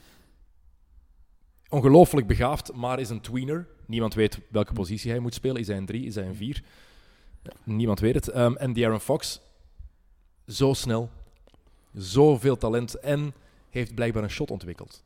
Zag er goed uit in pre-season. Ik weet het, pre-season slecht om conclusies aan eh, uit te trekken. Maar goed, er zit wel potentieel in deze ploeg, hè? En toch, en toch klopt het ja niet. en nee. Eh, het is niet omdat je drie of vier goede spelers hebt. Want ja, het zijn nog een paar. Hè. Bogdanovic heeft vorig jaar eigenlijk wel een degelijk eh rookiejaar gehad om in zo'n slechte ploeg terecht te komen. is toch wel Eh, geblesseerd nu, geopereerd aan zijn knie. Maar, eh, maar voor de rest zit er heel weinig. Hè. Buddy Hield? Zach Randolph die is ondertussen 45, of die voelt zich toch 45. Eh Iman Shumpert, ja, dat kunnen we heel moeilijk inschatten. Ehm, Buddy Hield, ja, degelijk, maar ook niet meer dan dat. Dus ja, het is echt wel ehm, niet slechter dan Atlanta, maar het zal niet heel veel schelen. Wat moeten ze dan doen? Is het dan enkel zaak voor hen om te kijken wat samenpast? Of het potentieel er wel echt in zit en gewoon dingen uittesten? Want het heeft geen nut om te verliezen voor hen, want hun draftpick zijn ze sowieso kwijt. Als het de eerste pick wordt, gaat hij naar Philadelphia. En van 2 tot met 60 gaat hij Ja, naar... maar je moet gewoon dat team, daar een team proberen van maken dan. eh, spelen om te winnen. Kijken wat Dingen er werkt, wat er niet toch? werkt. Oké, maar je moet En, die jonge en gasten vooral, en, vooral, en vooral aan volgend jaar beginnen toch beginnen kijken. Maar je hebt geen assets, hè. Je hebt niks. Dat, je hebt ook geen trade assets, dus je hebt niks waar, dat je, waar dat je iets kan voor krijgen. Dus het is echt... eh, En die draft pick, echt, het gaat een top 5 pick zijn. Hè? Ja. Als het geen nummer 1 wordt, gaat hij naar Boston. Hè? ja, Opnieuw, de naar de gaat- Celtics. als, ik niet, als ik niet verkeerd ben, de ene gaat naar Brooklyn, denk ik. Nee, naar Philadelphia. ah, naar Philadelphia opnieuw, juist. Dus Philadelphia Ja. en Boston, ja, die hebben... Onvoorstelbaar. Ehm, Danny Ainge is, is echt een absoluut genie. Ehm, ik denk dat het hopen wordt voor de Kings supporters dat een van die drie, Bagley, Giles of Fox, dit jaar laat zien dat hij het potentieel heeft om een superster te worden. Het potentieel, hè?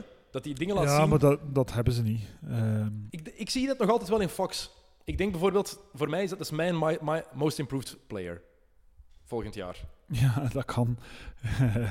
Bij het, een van de slechtste teams in de NBA kan je Ja. most improved worden. Het is zo. Ehm, nee, dat kan. Maar eh, kijk, Dennis, we zijn al bijna vier minuten bezig. dit, dit zijn het type teams waar we tijd moeten op besparen. Oké, next one. Ehm, Phoenix Suns. Vorig seizoen 21 en 61. Echt? Zitten we al aan de Suns? Ja, ja. Oeh. Het is het Westen, hè? Het Westen is stacked. Ehm, dus 21, 61 vorig seizoen. Volgens Vegas gaan ze 28,5 matchen winnen.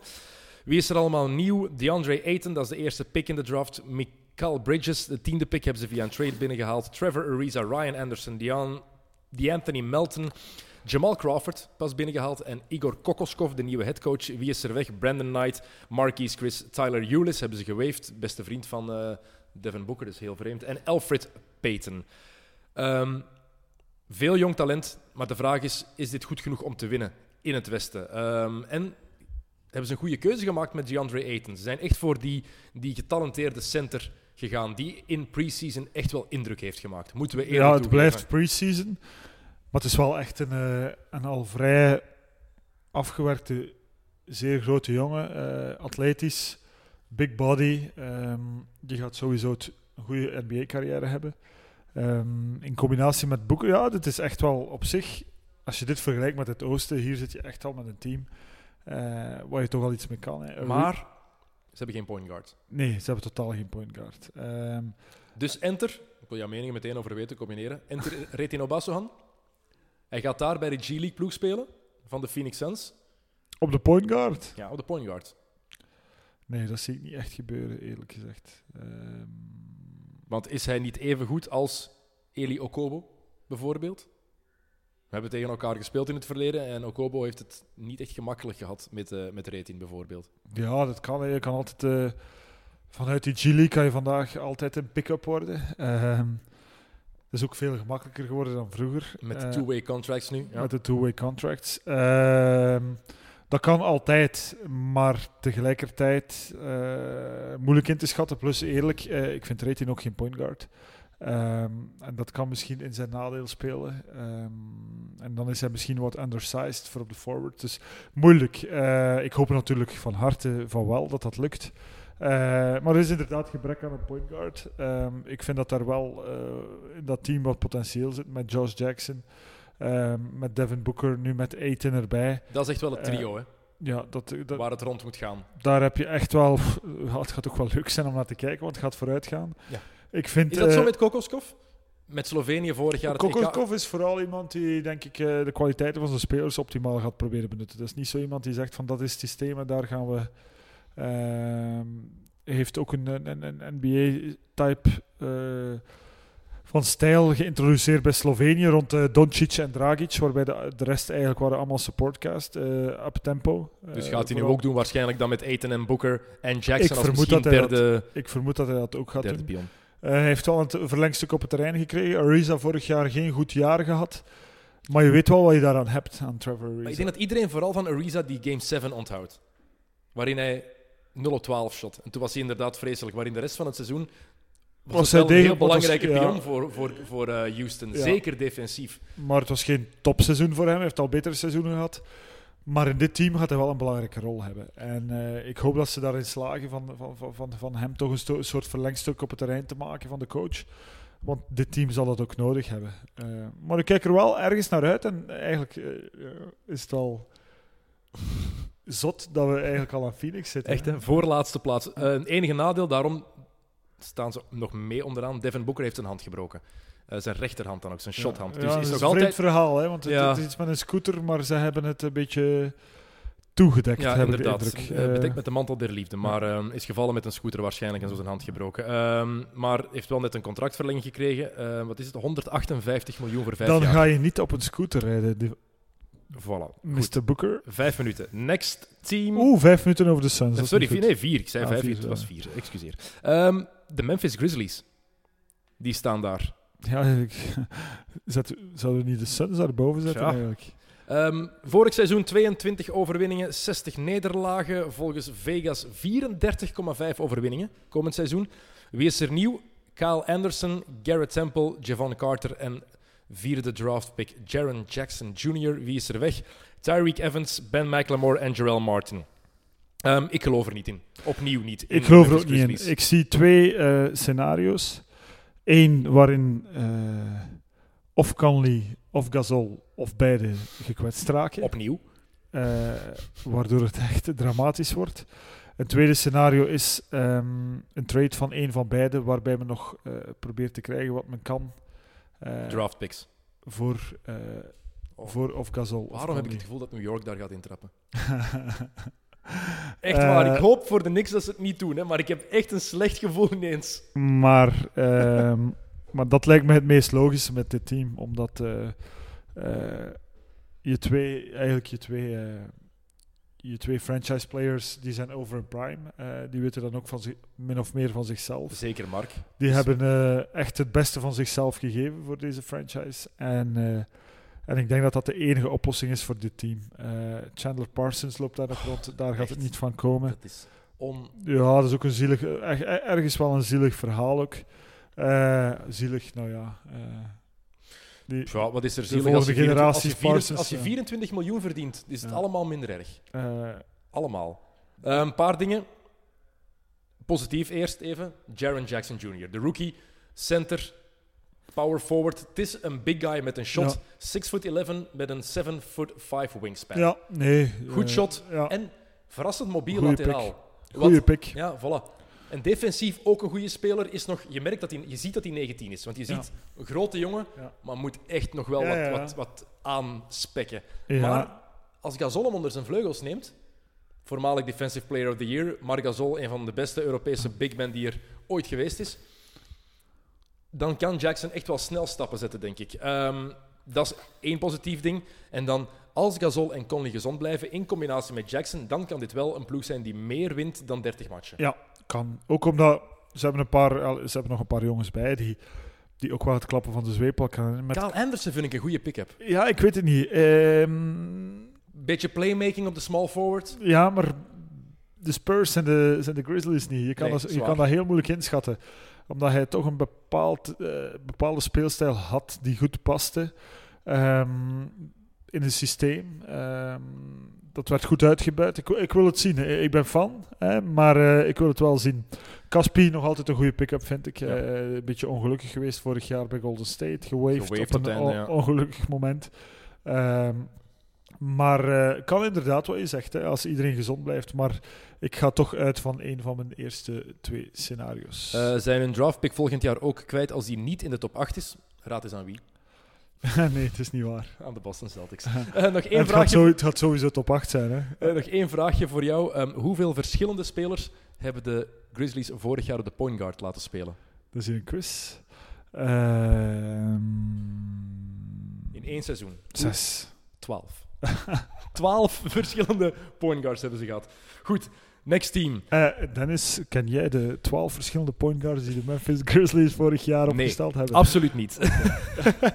Absoluut niet. Ik heb ze ook niet opgezocht. Ehm volgend team is mijn League Pass team. Eh, Het team waar ik denk ik vaker naar ga kijken als ik mijn eh, NBA TV opzet, de Dallas Mavericks. Vorig seizoen 24 en 58. Volgens Las Vegas gaan ze 34,5 matchen winnen. Wie is er nieuw? DeAndre Jordan, Devin Harris, Luka Doncic natuurlijk en Jalen Brunson. Twee hele goede rookies. Eh, wie is er weg? Nerlens Noel, Doug McDermott en Yogi Ferrell. Ehm, de toekomst van de Dallas Mavericks is heel duidelijk. Het backcourt duo Dennis Smith Jr. en Luka Doncic. En als die elkaar vinden, als die een chemistry ontwikkelen, gaat dat een plezier zijn om naar te kijken. Dan gaat het ongelooflijk Ja, snel gaan. Ehm, ja, maar laat me toe te stellen, ik was onder de indruk van eh, Dennis Smith Jr. vorig jaar. Maar ik heb er nog altijd mijn vraagtekens bij wat dat lange termijn gaat worden. Ik Het is vooral atletisch nu. ja, ik zie nog niet een bepaalde franchise player voor mijn ogen. Of het is gewoon, ja, het is een fenomeen. eh, op, at- op atletisch vlak eh, doet Maar hij dingen. de die- combinatie met Doncic. Ik zeg niet eh, hij Doncic heeft de maturiteit en heeft natuurlijk het, het basketbal-IQ om zo iemand nog beter te maken. Ehm, dus dat kan wel. Doncic gaat er ook geen schrik voor hebben om, om zich weg te cijferen, is misschien overdreven, maar toch om, om, om, om het team te proberen beter maken in de schaduw van, van Smith Jr. Ehm, nee, dat is zo. Ik denk dat met DeAndre Jordan dat we ons nog gaan amuseren. Eh, Ik wou net zeggen, wat denk je dat zijn impact gaat zijn voor de- deze Mavericks? Want we weten waar Jordan voor staat. Hè? Kijk, ik Screen, denk dat roll, het- rebound Ja, maar ik denk dat het verwachtingspatroon ehm, bij de Clippers zeer hoog was. Eh Lob City, weet je wel. En eh, op een bepaald moment dacht iedereen van dit is een contender. Ehm, hij was natuurlijk een van diegenen die eruit sprongen. Ehm, dus daar werd met argusogen naar gekeken. Ik denk dat dat ondertussen al een beetje voorbij is. dat men weet dat hij vooral heel veel dingen niet kan. eh, en dat hij daarop zal uitgespeeld worden. Dus Ehm, ik denk dat hij wel past bij deze ploeg. Ehm, maar het is moeilijk. Het is echt ook een team dat moeilijk in te schatten is. En heel veel gaat afhangen van eh, eh, hoe goed gaat Doncic zijn dit jaar, eh, in zijn eerste jaar. Hij heeft al wat, wel die ervaring, maar er wordt natuurlijk met argusogen naar gekeken. Ehm, dus, ehm, dus ik denk dat heel veel daarvan gaat afhangen. Eh, het zal in elk geval niet van Measury afhangen of Ze hebben nog een andere hele toffe Maxi rookie. Kleber. Andere toffe rookie. Costas Antetokounmpo. ja, dat is zo dubbel. hè. 60ste draftpick dit jaar. Als allerlaatste gekozen. Net zoals Isaiah Thomas. We hebben elkaar blijkbaar ook al opgezocht eh, online. Om eh, hem, extra te motiveren. Vond ik tof. Ehm DeAndre Jordan bij deze ploeg. Het is drie jaar te laat. hè. Ze wilden hem drie jaar geleden. Nu hebben ze hem. Ze hebben, hem toen, de- ze hebben hem toen opgesloten. In zijn, dat Ja. was toen, toen dat ze hem opgesloten hadden. Hè. Dat is fantastisch. Dus deze ploeg gaat de playoffs volgens mij niet halen. Nee. Maar gaat wel echt een leuke ploeg zijn om naar te kijken. En ja, we kijken extra, eigenlijk, eigenlijk willen we allemaal gewoon Doncic ook zien. Dennis, En het laatste jaar van Nowitzki. Hij stopt ermee na dit Ja, jaar. Kan toch niet anders? e- Eerlijk, het is ook tijd om te stoppen. Eh, Heeft, heb je dat gelezen? Zijn tweet dat hij dopingcontrole had gekregen? En zo daarbij. eh, I don't know what you guys think I'm on, but if you ever saw me walk last season. Ja, En het is inderdaad, die gast kon gewoon niet meer vooruit. Het is tijd, maar toch een mooie afscheidstournee. Ja. En laat hij de, het jonge Europese fenomeen maar eh, extra opleiden. Next team, four minutes on the clock, de Los Angeles Clippers. Vorig seizoen 42 overwinningen, 40 nederlagen. Volgens Vegas 35,5 overwinningen. Wie is er nieuw? Shea Gilgis Alexander, 11e pick. Zoek die alsjeblieft op trouwens. Gilgis Alexander, de naam op dat shirt is fantastisch. Er is nog nooit zo'n lange naam in de NBA geweest, denk ik. het is Kentucky, hè, Helemaal, ja, het gaat helemaal rond, eh, het nummer. Jerome Robinson, nog een point guard, 13e pick dit jaar. Marcin Gortat, Lukenba Mute, Mike Scott en in de front office Lee Jenkins. Dat is die van Sports Illustrated, die komt daarmee aan de cijfertjes eh, werken. Wie is er weg? DeAndre Jordan en Austin Rivers. Ja, Austin Rivers gaat nog eens naar een ploeg waar zijn vader geen coach is. Het is hem, eh, het is hem gelukt. Ehm, ja, Paul en Griffin die waren al weg bij de Clippers. DeAndre Jordan nu ook. City is officieel dood. Er is geen enkele speler meer over van de ploeg die Steve Ballmer in 2014 heeft gekocht. Enkel de headcoach is over, Doc Rivers. Ja.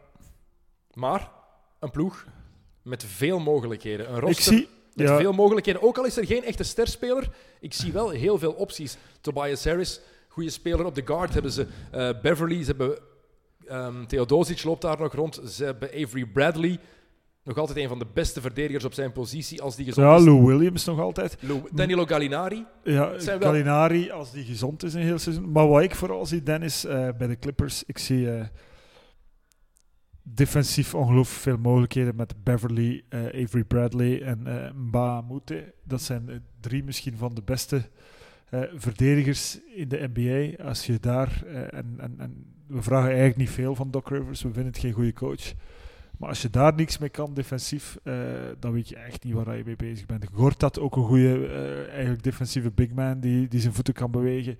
Eigenlijk zou dit ergens misschien wel potentieel eh, het beste defensieve team in de NBA kunnen zijn. Moeten we onze mening bijstellen over Doc Rivers, na wat hij vorig jaar heeft gedaan na het vertrek van ehm, Blake Griffin en de blessure van Danilo Gallinari en van Avery Bradley, want hij heeft nog bijna de playoffs gehaald. 42 en 40. Dat is eigenlijk redelijk knap en straf wat hij gedaan heeft met de mogelijkheden die hij vorig jaar had. Moeten we eerlijk toegeven. Ja, maar Dennis, we zitten al zes jaar op zijn kap. Het is nu niet omdat, hem, het. omdat, hem twee jaar, omdat hem twee maanden eh, een keer iets goed gedaan heeft, dat we onze mening moeten bijstellen. Eh, de man heeft een, eh, heeft een ring als coach. Ehm, dus we gaan hem niet, eh, eh, niet ter discussie stellen. Maar dit jaar heeft hij echt wel heel veel, heel veel assets waar hij iets mee kan. Hè. En Maar Gilgis Alexander is defensief ook goed. Point guard van 6 foot 6, meter 98, ja, lange plus, armen. plus op de centerpositie. Wie heeft er eh, Gortat en Marjanovic, Marjanovic, twee bigs met basketbal-IQ waar je wel iets mee kan? En Marjanovic Eh. heeft preseason gedomineerd. Ik weet het, preseason. Ik heb een hekel aan preseason. Ik vind het belachelijk dat, we, dat mensen daar naar kijken. Ja, plus Oprecht. Maar dat is een gast die in 12 minuten 16 punten kan ja, scoren. ja, ja, ja, perfect. Ja, dat is niet te stoppen eigenlijk. Hè. Eh, zeer slim. Eh, niet om aan te zien, maar hij leest is- echt het spel fantastisch. heeft een goede pas in zijn handen. Ehm, en voeg daar nog eens Gortat aan toe. En dan heb je ook nog Lou Williams lopen. Dan heb je nog eh Theodosic lopen. Mike Scott. Veel- die- veel mogelijkheden. Echt superveel mogelijkheden. Natuurlijk, je wil dat Gallinari gezond blijft, want die heb je echt wel nodig. omdat je een pure shotter nodig Ja. hebt. En dat is eigenlijk de enige. Maar dat gaat niet gebeuren. Gallinari is al jaren... Elk jaar raakt hij geblesseerd. Ja. En stevig. Dus ik vrees daar eerlijk gezegd voor. Goed, next team. Waar zaten we? Aan welke positie zaten we? Goeie nog, vraag. Nog steeds niet aan de playoffs, hè? Ik denk, nee, ik denk dat we nu nummer 10 zitten. En dit is een vraagteken. Want alles hangt af van wat er met Jimmy Butler gebeurt. Het staat hier nu voorlopig in de wetenschap dat het daar chaos gaat zijn. Dat Butler weg gaat willen. Minnesota Timberwolves vorig seizoen 47-35. Volgens Vegas 44,5 overwinningen. Wie is er nieuw? Anthony Tolliver, Lou Deng, Josh Okogie of Okoji, 20ste pick en 3D player. Heel belangrijk dus. En dan Keita Bates of Bates Diop, nog een eh, rookie. En volgende week, volgende week nemen ze nog iemand over. Waarschijnlijk. Wie is er nog? Joachim Noah. Hebben we al gezegd van niet, hè? Ah, oké. Ja, Thibodeau heeft Eh. gezegd dat hij Noah niet wil. Oké. Maar ik was ook aan het denken dat het zou perfect gepast zou zijn. Wie is er weg? Nemanja Bjelica en Cole Eldridge. Eh, Aldridge, beter gezegd. Ehm, ja, er is maar één vraag hier. Hè. We moeten er niet aan over doen. Wat met Jimmy Butler? Dat is het enige wat telt als het over... Wat een soap. Ik kan er gewoon niet bij dat dat heden ten dagen in de professionele sport nog kan. Het is hè. echt... Voor de mensen die het niet abnormaal. gevolgd hebben, Jimmy Butler verklaart eigenlijk al het hele preseason dat hij weg wil. Eh, trainde niet. eh, heeft vorige week zijn comeback gemaakt op training. Hij heeft dan met de bankzitters een eh, scrimmage gespeeld tegen de starters. Hij heeft eh getrashtalkt tegen alles en iedereen. Heeft ook gewonnen met de bankzitters. Heeft eh, iedereen eigenlijk van het veld gespeeld.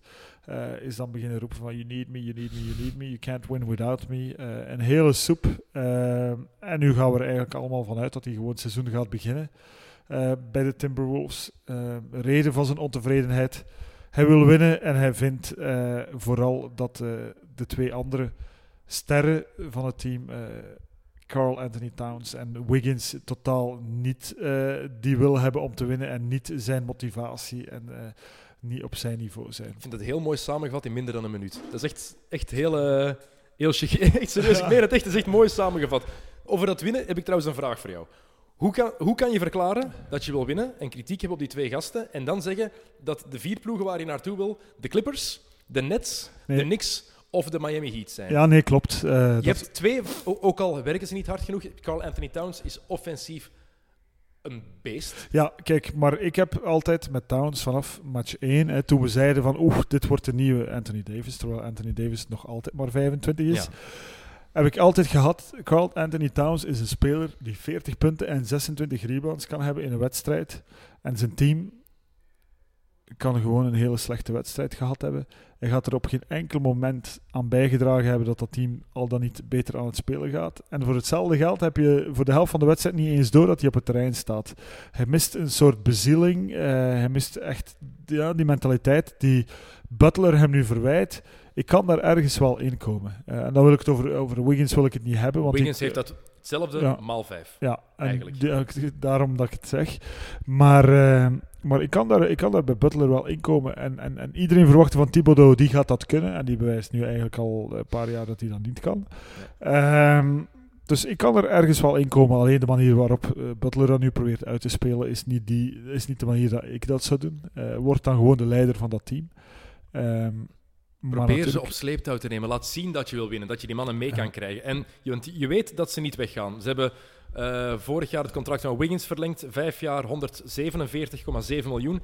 En net nadat Butler heeft gezegd dat hij weg wou, hebben ze Carl Anthony Towns zijn contract verlengd. Vijf jaar 190 miljoen. Dus die twee, Ja, die dat is- zijn er nu. dat is waar Ja, ze rond gaan bouwen. Ja. Towns en Wiggins. Die zijn er nu, dus, Voilà. eh, dus laat dat gewoon. eh, ja, we- probeer daar, probeer daar een oplossing voor te vinden, maar, maar laat je zo niet kennen. Natuurlijk, eh, Jimmy Buckets heeft nooit de reputatie gehad van de, van de, de makkelijkste eh, te zijn binnen het team. Dat was al eh, bij Chicago niet het geval. eh, en het blijkt nu opnieuw. Maar ergens kan ik erin komen. Hij wil winnen. ehm, hij is ook gewoon een hele goede speler. En hij, hij toont wel altijd dat hij, dat hij er alles voor over heeft.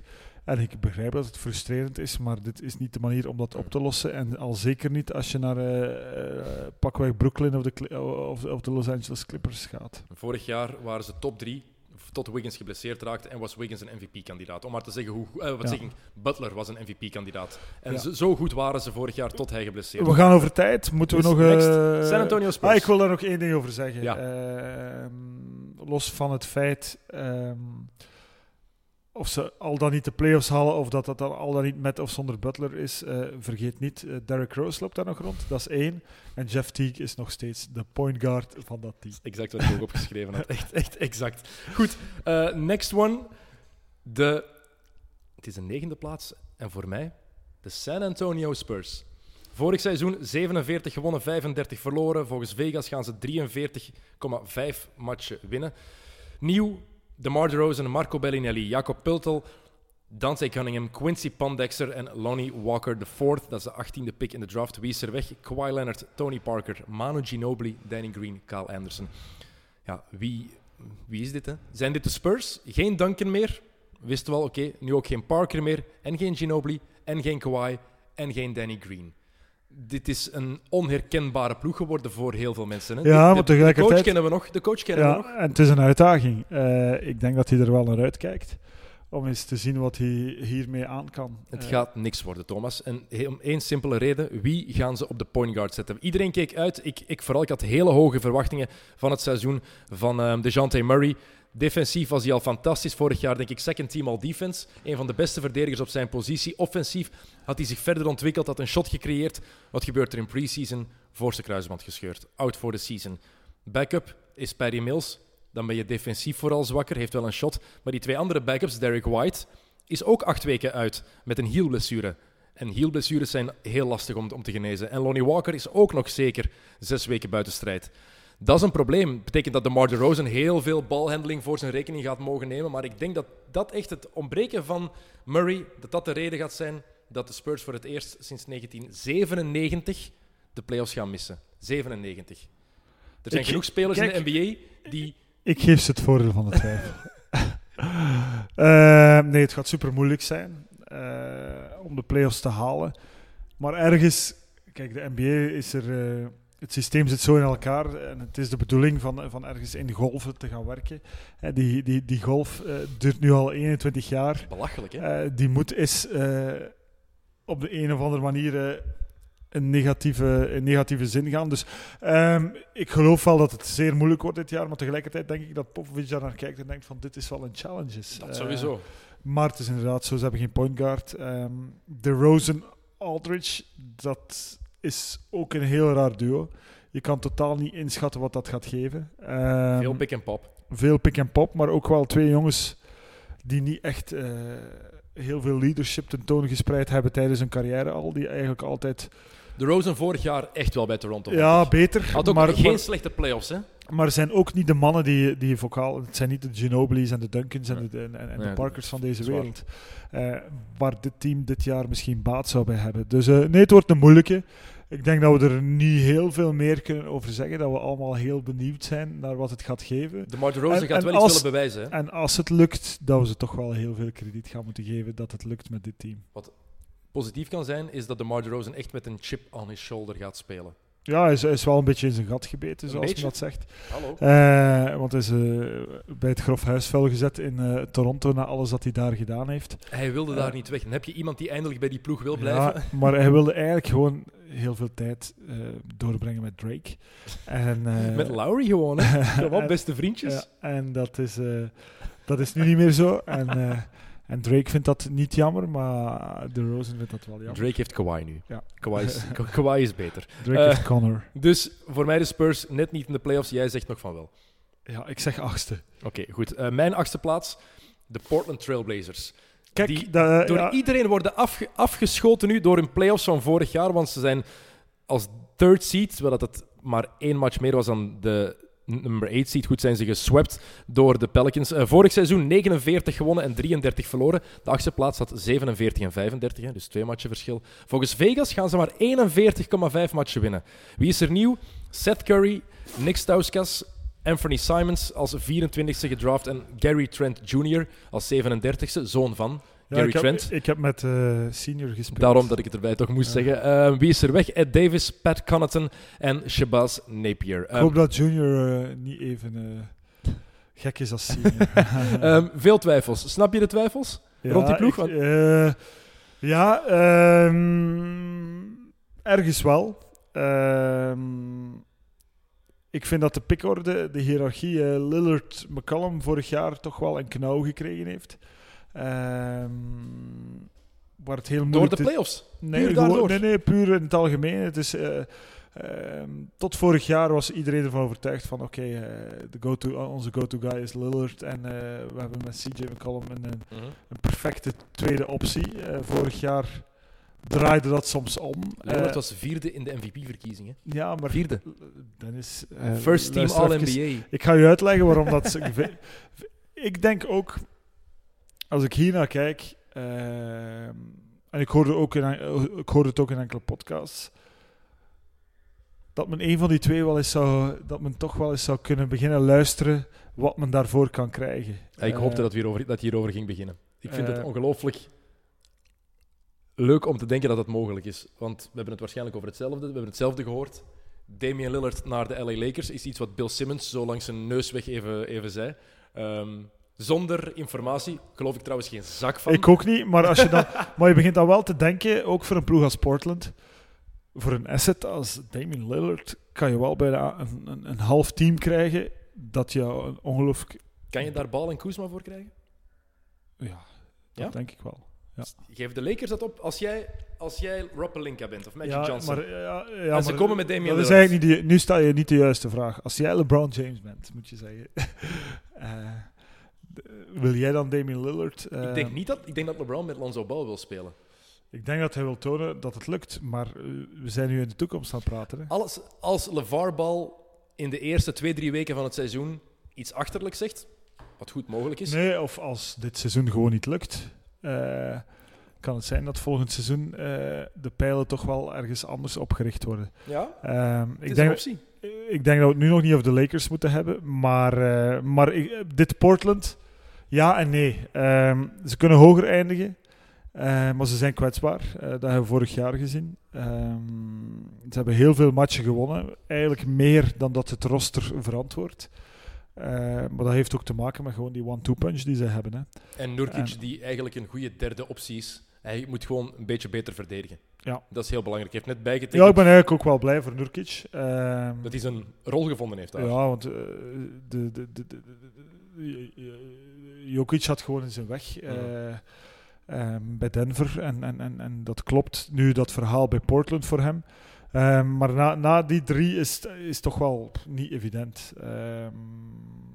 De rest van het team is Is oké. average en below average. En, eh, Evan niet- Turner, ja, wordt niet evident. Seth Curry, Myers Leonard. Ehm, voor, voor mij achtste, maar het gaat inderdaad ergens onderaan bengelen. Eh, vier minuten, next team, zevende plaats in de Western Conference. Voor mij de New Orleans Pelicans. En dit is echt een gok, want eigenlijk vanaf nu tot de nummer één is het echt gokken van waar Ja, ze maar hier, staan. maar hier kan ik me wel in vinden. Ehm, We zullen even de cijfers overlopen eerst, Thomas. Vorig Ja. seizoen 48 gewonnen, 34 verloren. Volgens Vegas 45,5 overwinningen. Nieuw Julius Randle, Alfred Payton en Jalil Okafor.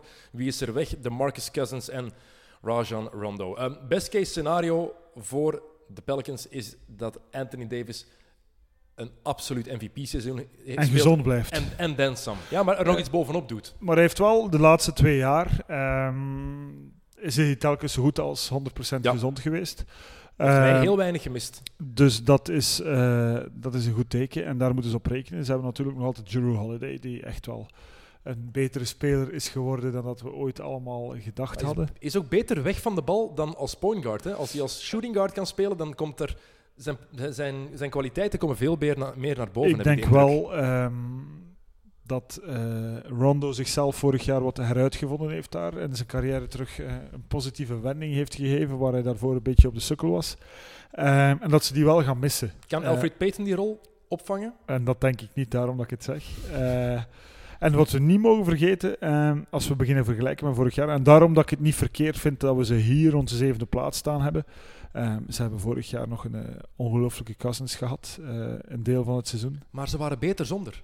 Hun cijfers waren beter. Ja, hun wincijfers waren beter zonder, maar, ehm, maar op de een of andere manier heeft dat wel bijgedragen aan een goed seizoen vorig jaar. Ehm, dus ik, ik vind ze kwetsbaar en eh, Anthony Davis die deze week beweerde dat hij de beste speler in de NBA is, ehm, daar kan ik ergens mee leven, Ik omdat ook. zijn argumentatie ook wel klopt. Hij zei dat hij de enige was eh, die zowel in aanval als in verdediging eh, van dat niveau was. En ergens klopt dat wel. Plus hij heeft een skillset ehm, die hij al had eh, toen hij uit high school in Kentucky kwam en toen hij nog niet tussen zijn wenkbrauwen een stukje weghaalde. We zijn ook allebei een beetje verliefd op de speler Anthony Davis. Dat moeten we eerlijk toegeven. Ja, maar, een- maar als je dat niet, als je, als je niet ziet ehm, dat Anthony Davis lichtjaren voor ligt op een bijvoorbeeld Carl Anthony Towns, terwijl ze eigenlijk dezelfde positie spelen, en één en- jaar of twee jaar verschil. één of twee jaar verschillen en eigenlijk eh, cijfers op de mat leggen eh, of op het veld eh, leggen, is beter gezegd, die, die bij elkaar in de buurt komen. Maar als je dan niet ziet dat Anthony Davis gewoon veel, veel meer skilled is, het spel gewoon veel meer in de vingers heeft dan bijvoorbeeld een Towns, ehm, dan ken je er niks van. Dus eh, we moeten eerlijk zeggen, ehm, Anthony Davis heeft echt de volledige skillset van guard tot center in, in, in het lijf van een, eh, ja, wat, wat moet je het noemen, een 4,5. hè. En heeft een, tussen, goed, heeft een goed shot heeft een goed shot. Finish Eh, inside. Is een fantastische verdediger. Echt Ja. mijn pick voor Defensive Player of the Year. Ehm, het is een, gewoon de meest... Het is zo'n all-round player. Het is, hij is zo compleet. Ehm, als die fit blijft, dat is zo belangrijk. Maar als die fit blijft, kan die New Orleans naar een veel hogere plek dan de zevende leiden. Wat ook goed is voor hen. Goede match met Drew Holiday. Het is trouwens twee à drie jaar verschil met uh, Towns, als ik erover nadenk. Maar goede match, match met Drew Holiday. En Nikola Mirotic, die past perfect Ja. bij Davis. Ja. En Randall heeft vorig jaar een stiekem goed seizoen gehad. Maar bij de Lakers heeft niemand daarop gelet. Dus misschien moet ik, ga ik al spijt beginnen krijgen dat, dat ik ze op 7 heb gezet. Maar Ja, pff, dan komen we bij de volgende ploeg, want we zitten aan vier minuten. en dan En dan zijn we begrijp je waarom ze op 7 bij mij Ja. de Oklahoma City Thunder. Ja, Niet, terecht. niet door vorig jaar, maar vooral door deze reden. Gaan eerst zeggen, vorig seizoen 48 en 34. Volgens Vegas gaan ze 50,5 matchen winnen. Wie is er nieuw? Dennis Schreuder, Nerlens Noel, Timothée Luau Cabarro, Abdel Nader en Hamidou Diallo. Wie is er weg? Carmelo Anthony, Nick Collison en Corey Brewer. En waarom heb ik ze lager gezet? Blessures. Russell Westbrook is deze zomer geopereerd aan zijn knie en is nog altijd niet fit. Ehm, je kan geen duizend keer geopereerd blijven worden.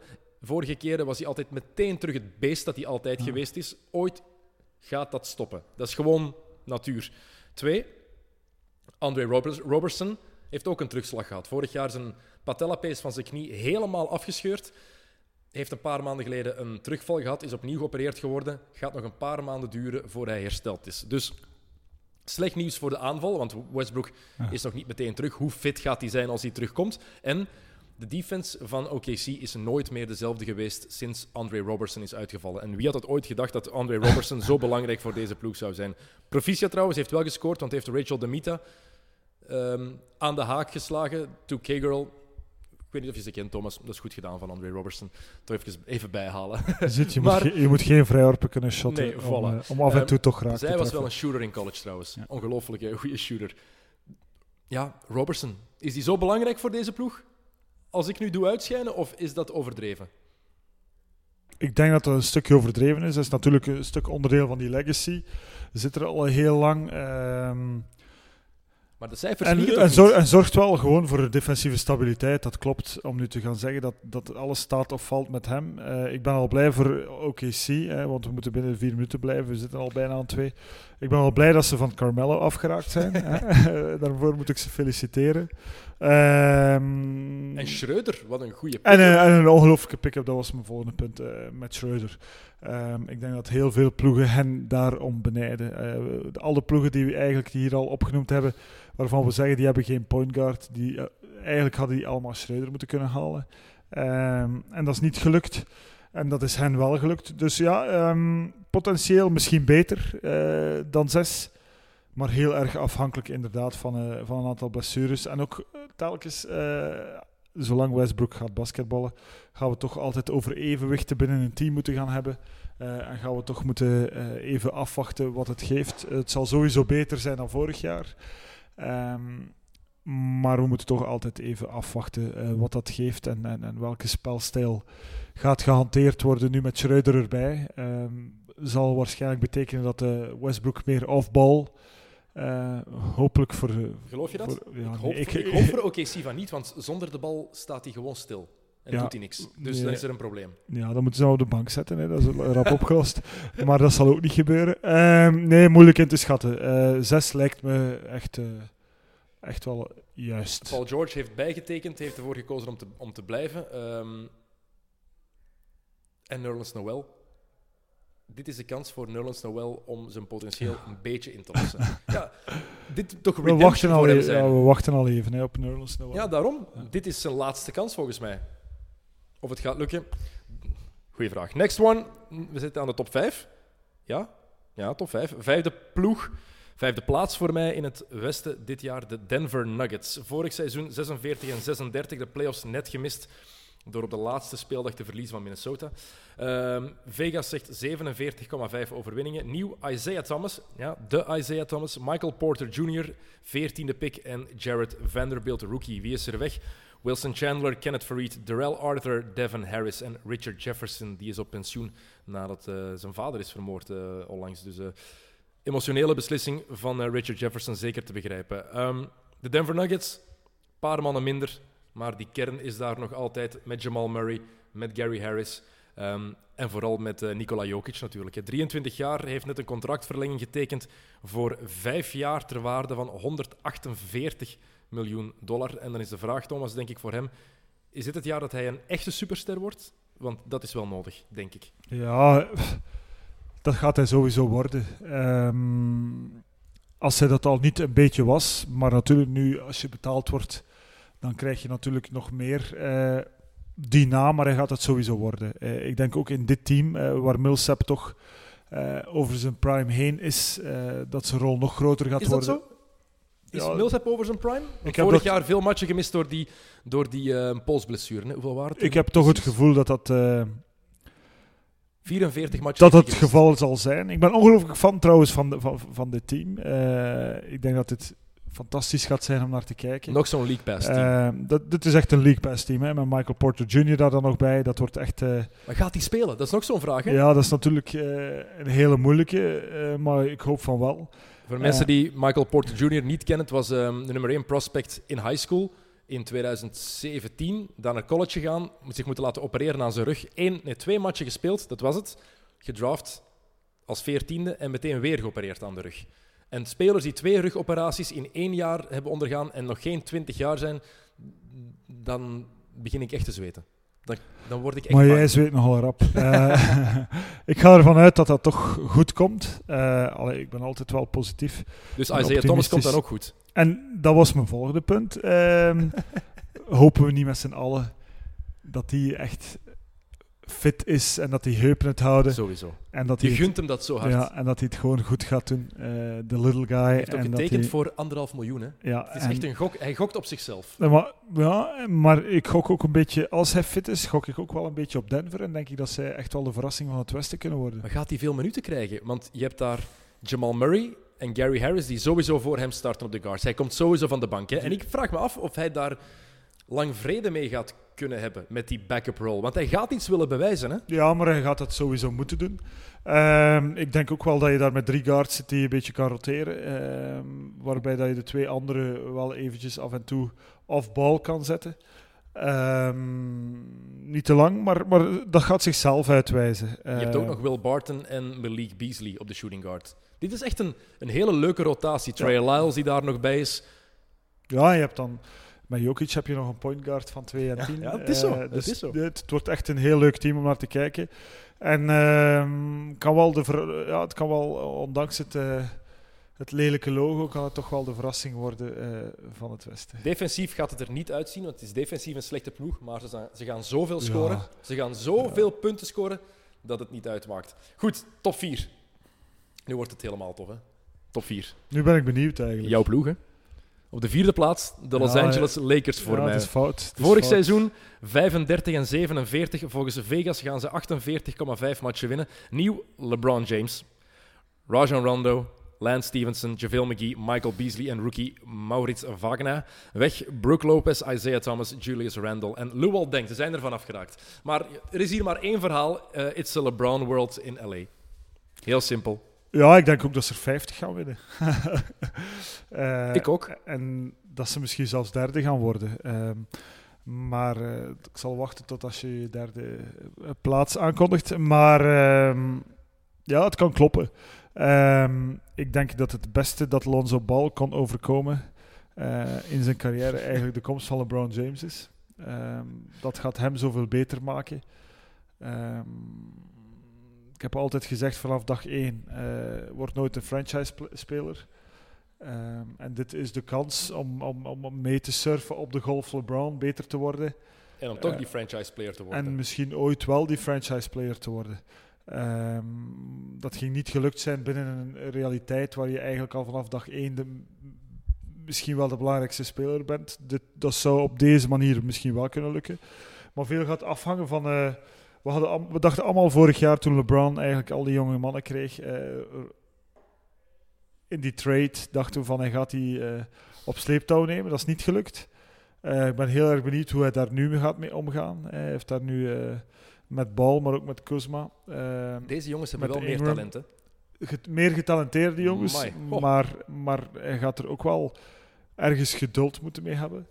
Ehm, dat is het ene deel van de supportcast. Het andere deel van de supportcast, eh, dat is eigenlijk...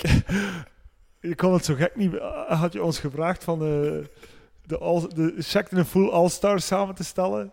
Eh, Het dan- meme team, hè? ja, dat is echt... eh, Eh, Als, voor de mensen die niet, niet weten waar je het over hebt, je hebt het over Lance Stevenson, Michael Beasley, Rajon Rondo en JaVale McGee. Ja, eigenlijk is het onvoorstelbaar dat ze dan ook nog Beasley opgepikt hebben. Dat was echt zo van, ze moeten met vier zijn op de kaarten.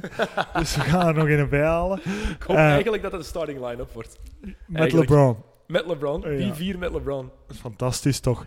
maar tegelijkertijd, ehm, ja, Stevenson, eh, McGee, eh, als die LeBron respecteren, ehm, dat zijn wel jongens die kunnen bijdragen nog steeds. En, eh, In de juiste rol. Maar er gaat, Ja. er gaat sowieso iemand ontevreden zijn. Hè? Want als je kijkt naar het roster, je hebt met Ball, met Kuzma, met Josh Hart, waar Ja. ik ontzettend fan van ben, met Brandon Ingram. Al vier jongens die minuten gaan willen. En dan heb je die vier die, die we net genoemd hebben, het meme-team. En dan LeBron daar, daarbij. Nou, het zijn al negen spelers. Er gaat iemand wegvallen. Iemand gaat niet genoeg minuten krijgen naar zijn zin. Zeker als we hun karakters ook een beetje, beetje kennen, als we daar een beetje rekening mee houden. Maar het is en blijft LeBron. Hè? Er zijn mensen die zeggen dat de Lakers niet de, de playoffs niet gaan halen. Ik snap niet hoe dat je na al die jaren nog tegen LeBron durft gokken. Hoe je nog durft zeggen van ja, nee, een ploeg met LeBron haalt de playoffs. Punt. Meer moet daar zelfs niet over gezegd worden, Ja. denk ik. Nee, nee, klopt. Ehm, dat, dat begrijp ik ook niet. En in tegendeel, als je kijkt ehm, naar alle ploegen die we nu al besproken hebben, dan kan je ze er perfect naast plaatsen. Absoluut. het zal wat zoeken zijn naar de chemistry in het begin. Hoe Ehm, gaat het met de coach gaan, denk je? Want Luke Walton, dat is het straffen, is in hetzelfde jaar gedraft als LeBron James. Ik weet niet of dat ooit al gebeurd is, dat, ja, wa- waarschijnlijk wel. Ik denk dat, eh, dat we niet naar een bladscenario gaan in elk geval. Ehm, dat LeBron ook al wat ouder en wijzer geworden is. En dat Luke Walton vooral perfect weet eh, hoe hij daarmee moet omgaan. Eh, en gesteund wordt ook wel door het ownership. Dus ik denk dat dat, dat allemaal wel kan kloppen. En ik denk dat LeBron ook gewoon blij is van een Laker te zijn. En dat dat ook zal helpen. Absoluut. Vier minuten, Lakers, next one. Nummer drie voor mij, de Utah Jazz. hè. De ploeg waar elke basketbal-nerd al twee jaar fan van is. Ehm, zeker na vorig seizoen. Vorig seizoen 48 overwinningen, 34 volgens Vegas, 48,5. Dat is status quo. Nieuw, één iemand, Grayson Allen, 21ste pick. Speler van Duke die heel graag mensen potje lap zet. Wie is er weg? Jonas Jerebko en David Stockton. Niet belangrijk, die speler, maar ik moest toch even bij zeggen dat de zoon van Ja. de beste passer aller tijden. Nee, de man met de meeste assists aller tijden gewoon, dat die er niet meer bij is. Ehm, de Utah Jazz. Dit is nu eens echt een ploeg. Een ploeg met een duidelijke identiteit, met een hele goede coach. Volgens mij gaat hij coach of the year worden, Quinn Snyder. Tenminste, dat is mijn... Ja, hij had Gok. dat eigenlijk, eigenlijk had, was hij vorig jaar een van de kanshebbers. hè. Ja. Eh, je had Stevens, je had Snyder, je had Casey Ja. vorig jaar als de mannen die eruit sprongen. Maar dat komt omdat hij Ja. dat defensieve systeem daar ook zo geïnstalleerd heeft. ja, hè, maar want het, maar het moet, hè, want kijk naar dat roster. Eh, je hebt één, je hebt één wordt- iemand die het echt kan forceren op zichzelf, en dat is Donovan Mitchell. Ja, en dan, en dan ben je er al. Hè. Maar je hebt natuurlijk met Gobert heb je echt wel nog een, eh, een rim protector, zoals je hier zelden nog ziet. Met een heel hoog basketbal-IQ. Maar je ziet daar ook jongens tussen lopen. Hè. Je hebt met Rubio, hè. ik ben nooit fan geweest, maar je hebt daar wel een point guard die er perfect in past. Ehm, je hebt daar met Ingles eigenlijk een... eh, Een geweldige klootzak op het veld. Oh, ja, en heerlijk. ook wel iemand die veel beter is geworden dan iedereen ooit had verwacht. Die eh, ook- nu ook in preseason toont eh, dat, we, dat het meer van hetzelfde zal zijn. Maar tegelijkertijd, je wordt daar niet wild van en toch zet iedereen ze op drie. Ehm, Je wordt niet wild van de spelers, nee, maar wel van de het systeem en van hoe ze spelen. Alleen weet ik niet of dat, of dat houdbaar blijft. Eh, ik zou ze lager zetten in elk geval. Iedereen zet ze op drie, ik zou ze lager durven Omdat zetten iedereen ook verwacht dat Donovan Mitchell die volgende stap gaat zetten, denk ik. Ik ook. Ja, en wat is die volgende stap? Want hij was vorig jaar al Efficiënt. Weet je, hij pakte veel shots vorig jaar. Hij had Ja. echt een slecht shotpercentage. Efficiënter worden. En als een superster efficiënter wordt, betekent dat het er meer shots zijn voor andere spelers. Ja. En dat je die defense dat die zich ook nog aanpast. Maar hoe Mitchell in de playoffs ook speelde zoals Dwayne Wade in zijn rookiejaar. Zonder schrik, zonder grenzen en gewoon ging, vond ik fantastisch. Ik hoop gewoon dat het niet, denk niet dat hij zo is, maar ik ken hem niet persoonlijk natuurlijk, maar dat het niet naar zijn kop gestegen is. Ehm, ik geef hem heel veel goede punten voor het feit dat hij naar de Europese Final Four komen kijken Ja, is. je zei me dat. Want dat is toch wel iets dat betekent dat je een open blik hebt. Dat was ook ehm, in Istanbul. Ik ben nu aan het twijfelen. Nee, het was niet in Istanbul dit jaar. Jij was daar, Thomas. Ja, ik, heb, ik heb er al zoveel... In Belgrado. Ik heb er al zoveel gezien en, en gespeeld dat ik even moest denken. Oh. Maar eh, het was eh, in Belgrado... Sorry. het wa- het was, dat klonk- Zoveel dat- gezien en gespeeld. Ja, eh, meer gespeeld dan gezien misschien. Eh, maar eh, het was in Belgrado. Maar het feit dat hij daar was, hè, dat is toch niet evident. Dat wil zeggen dat je, dat je toch met een bepaalde open blik eh, naar alles kijkt. Ehm geef ik hem goede punten voor. Dus ik ga ervan uit dat het niet naar zijn kop gestegen is. Tegelijkertijd zet ik ze gewoon even lager. Als je naar al die andere teams kijkt in het westen. Ehm, wat hadden we gezegd in het oosten? Ik zei dat eh, Philly Onder Milwaukee ging eindigen. ja, wel in het, eh, in het westen zeg ik dat eh, Utah onder de Lakers eindigt. Zou goed kunnen. Ze hebben nog altijd Rudy Gobert, ook niet be- onbelangrijk, Defensive Player of the Year. En wat straf was vorig jaar in de tweede, want ze waren vooral goed na, na nieuwjaar eigenlijk, tweede deel van het seizoen. Ineens werkte die combinatie met, Gobert, met, eh, met Favors. Ja. Gobert en Favors, je zou denken op papier, Ja, hoe twee kan dat? Ja, oldschool big guys, hoe kan Ja. dat werken? Ja. Maar daar werkt het wel. Eh, ik neem trouwens mijn woorden terug nu ik er eens beter over nadenk. Oké, goed. eh, top 2. ik was weer als fan aan het spreken en eh, dat, heeft mij, dat, dat brengt me elke keer zuur op, dus ik neem het even terug. Laatste twee. Ehm, ja, we weten welke ploegen er nog gaan komen. Hè. De twee Western Conference finalisten van vorig jaar. De nummer twee in het westen, voor mij nog altijd de Houston Rockets. Vorig seizoen 65 en 17, beste record in de hele NBA. Volgens Vegas 54,5 overwinningen maar. Vind ik heel weinig. Ehm, nieuw Carmelo Anthony, Marquise Chris, James Ennis, Michael Carter Williams en Brandon Knight. Weg Trevor Ariza, Luke Mbamute en defensieve coach Jeff Bezdelik. En dat laatste is niet onbelangrijk. Ja, dat is eigenlijk eh, waar ik ook wilde mee beginnen. Ehm, dat kan echt een drama zijn eh, voor Houston. hè. ook, ook nadat hij het systeem al geïnstalleerd heeft. Ja, toch wel. Eh, ik denk dat- je net zoals bij de Golden State Warriors, dat je Ron Adams dat je daar aan vast moet houden, ehm, ook al staat het systeem er. Ehm, dat dat, en het was ook heel erg onverwacht dat hij plots een paar weken geleden eh, zijn afscheid aankondigde. bij Pensioen Belk. gewoon, hè? Ja, gewoon zei van, ik stop ermee. Ja, is goed geweest. Ja, ehm, niemand had dat verwacht. En ik denk dat je dat niet mag onderschatten. Plus natuurlijk ook Ariza, eh, die er niet meer is. En Bahamute. Eh, en die teruggekeerd is naar de Clippers. Dus ehm, onderschat dat niet. Ik ben heel erg benieuwd. Hè. Vorig jaar praten we over New Style Rockets hè, met defense. Eh, je neemt daar nu twee hele goede verdedigers uit. Je voegt daar Carmelo aan toe.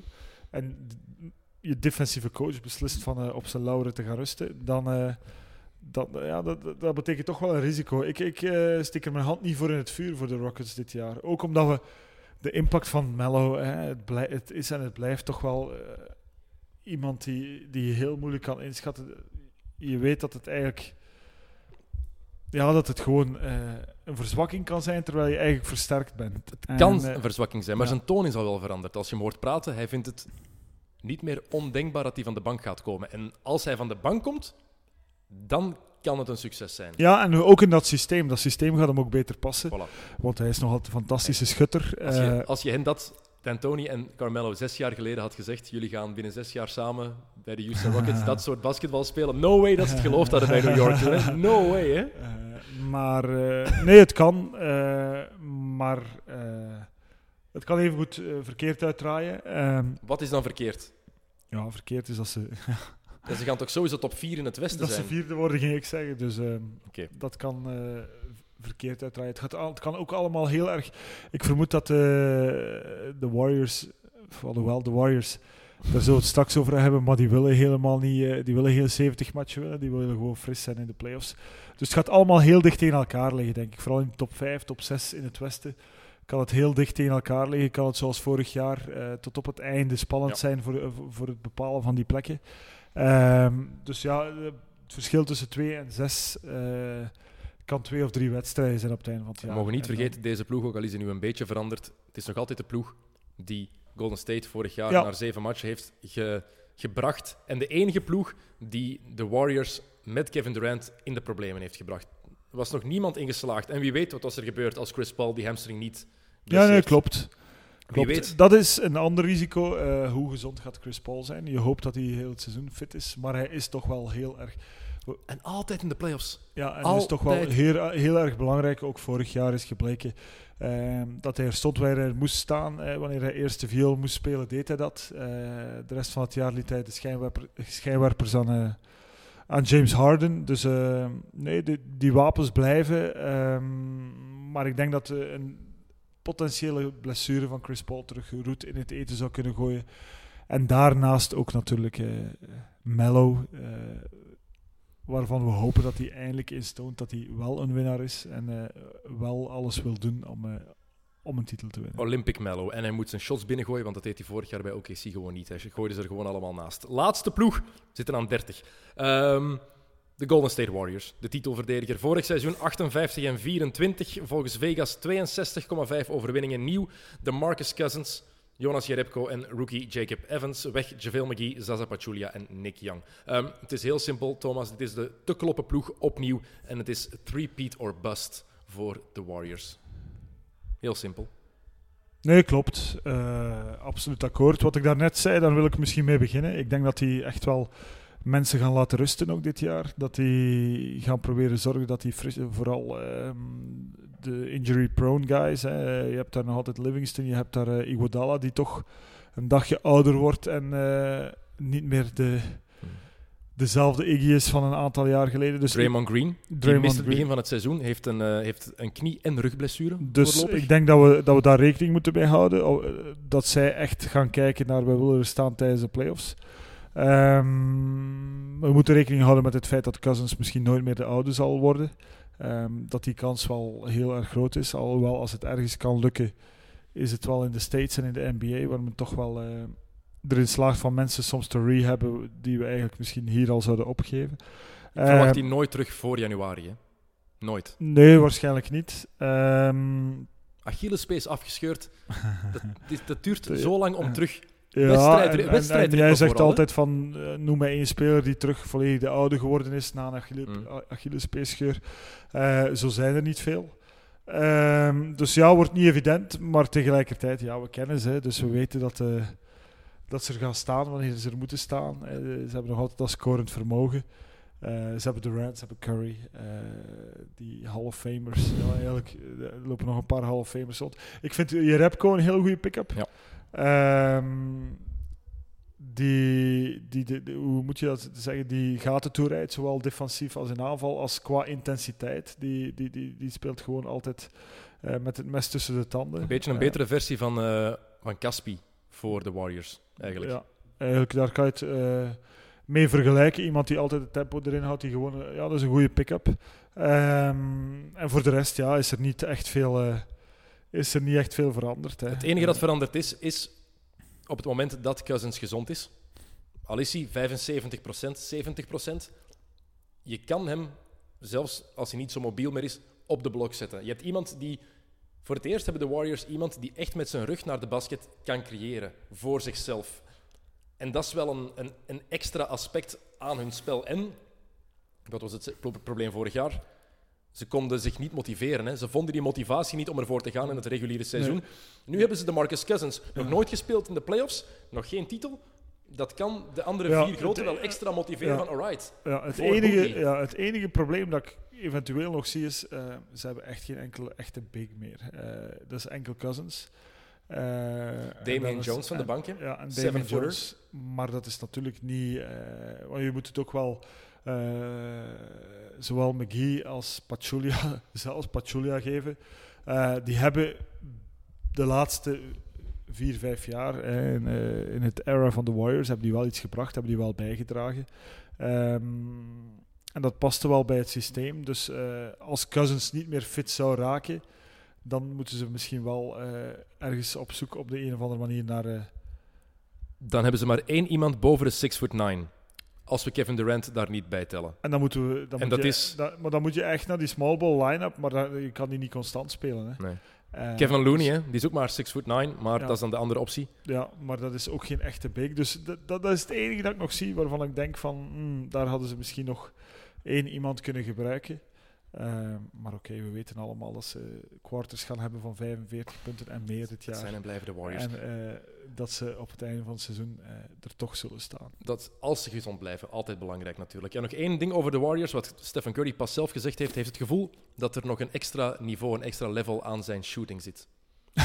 Als hij dat zelf vindt, dan, dan ja, wordt, wordt het lid van de 50, 60, 90 club. Ja, ik, ik is stel dan belachelijk. voor dat we de vier punten invoeren of zo. Eh, want dat, ik, ik kan me niet voorstellen wat hij daarmee bedoelt eigenlijk. Ja, dat hij misschien eh, met links even goed gaat shotten. Ja, eh, of dat hij enkel nog met het bord shot. Of, ik weet niet wat hij daarmee bedoelt, want oké, dit wordt gewoon, ja, als hij het al niet is, dit is de beste schutter in de geschiedenis van het basketbal. Met voorsprong. Goed, we zijn er door, Thomas. We gaan nog één pronostiek doen om te eindigen. Het moet zo, de finale. Hè. Ehm, wat is jouw finale? Wie wint? Eh, Warriors Celtics. Warriors in zes. Ik heb ook Warriors Celtics. Ik heb daar straks Warriors moeten zeggen, omdat de rating Celtics had. Ik wou eigenlijk ook Celtics zeggen. Ik denk dat de Celtics de Warriors kunnen kloppen. Ja, dat is goed. Dus ik zeg Celtics in 7, want ze gaan het thuisvoordeel hebben dan. Tof, hè? Ja. Goed, ehm, het begint straks al. Het is nu half elf. Eh, ik hoop dat u deze podcast nog luistert als ehm, de wedstrijd nog niet begonnen is. Waarschijnlijk niet. Dat is niet erg. We hebben vooruitgeblikt op het hele seizoen. Dus eh, die eerste match is niet van belang. Maar ik ga richting huis gaan, dit monteren en mij klaarzetten voor de eerste match. Thomas, bedankt voor de afgelopen twee Ik ga toch slapen, denk ik. Eh, ik ga morgen vroeg. Merci man. Bye. Gon' give it to you. He gon' give it to you. X gon' give it to you. He gon' give it to you.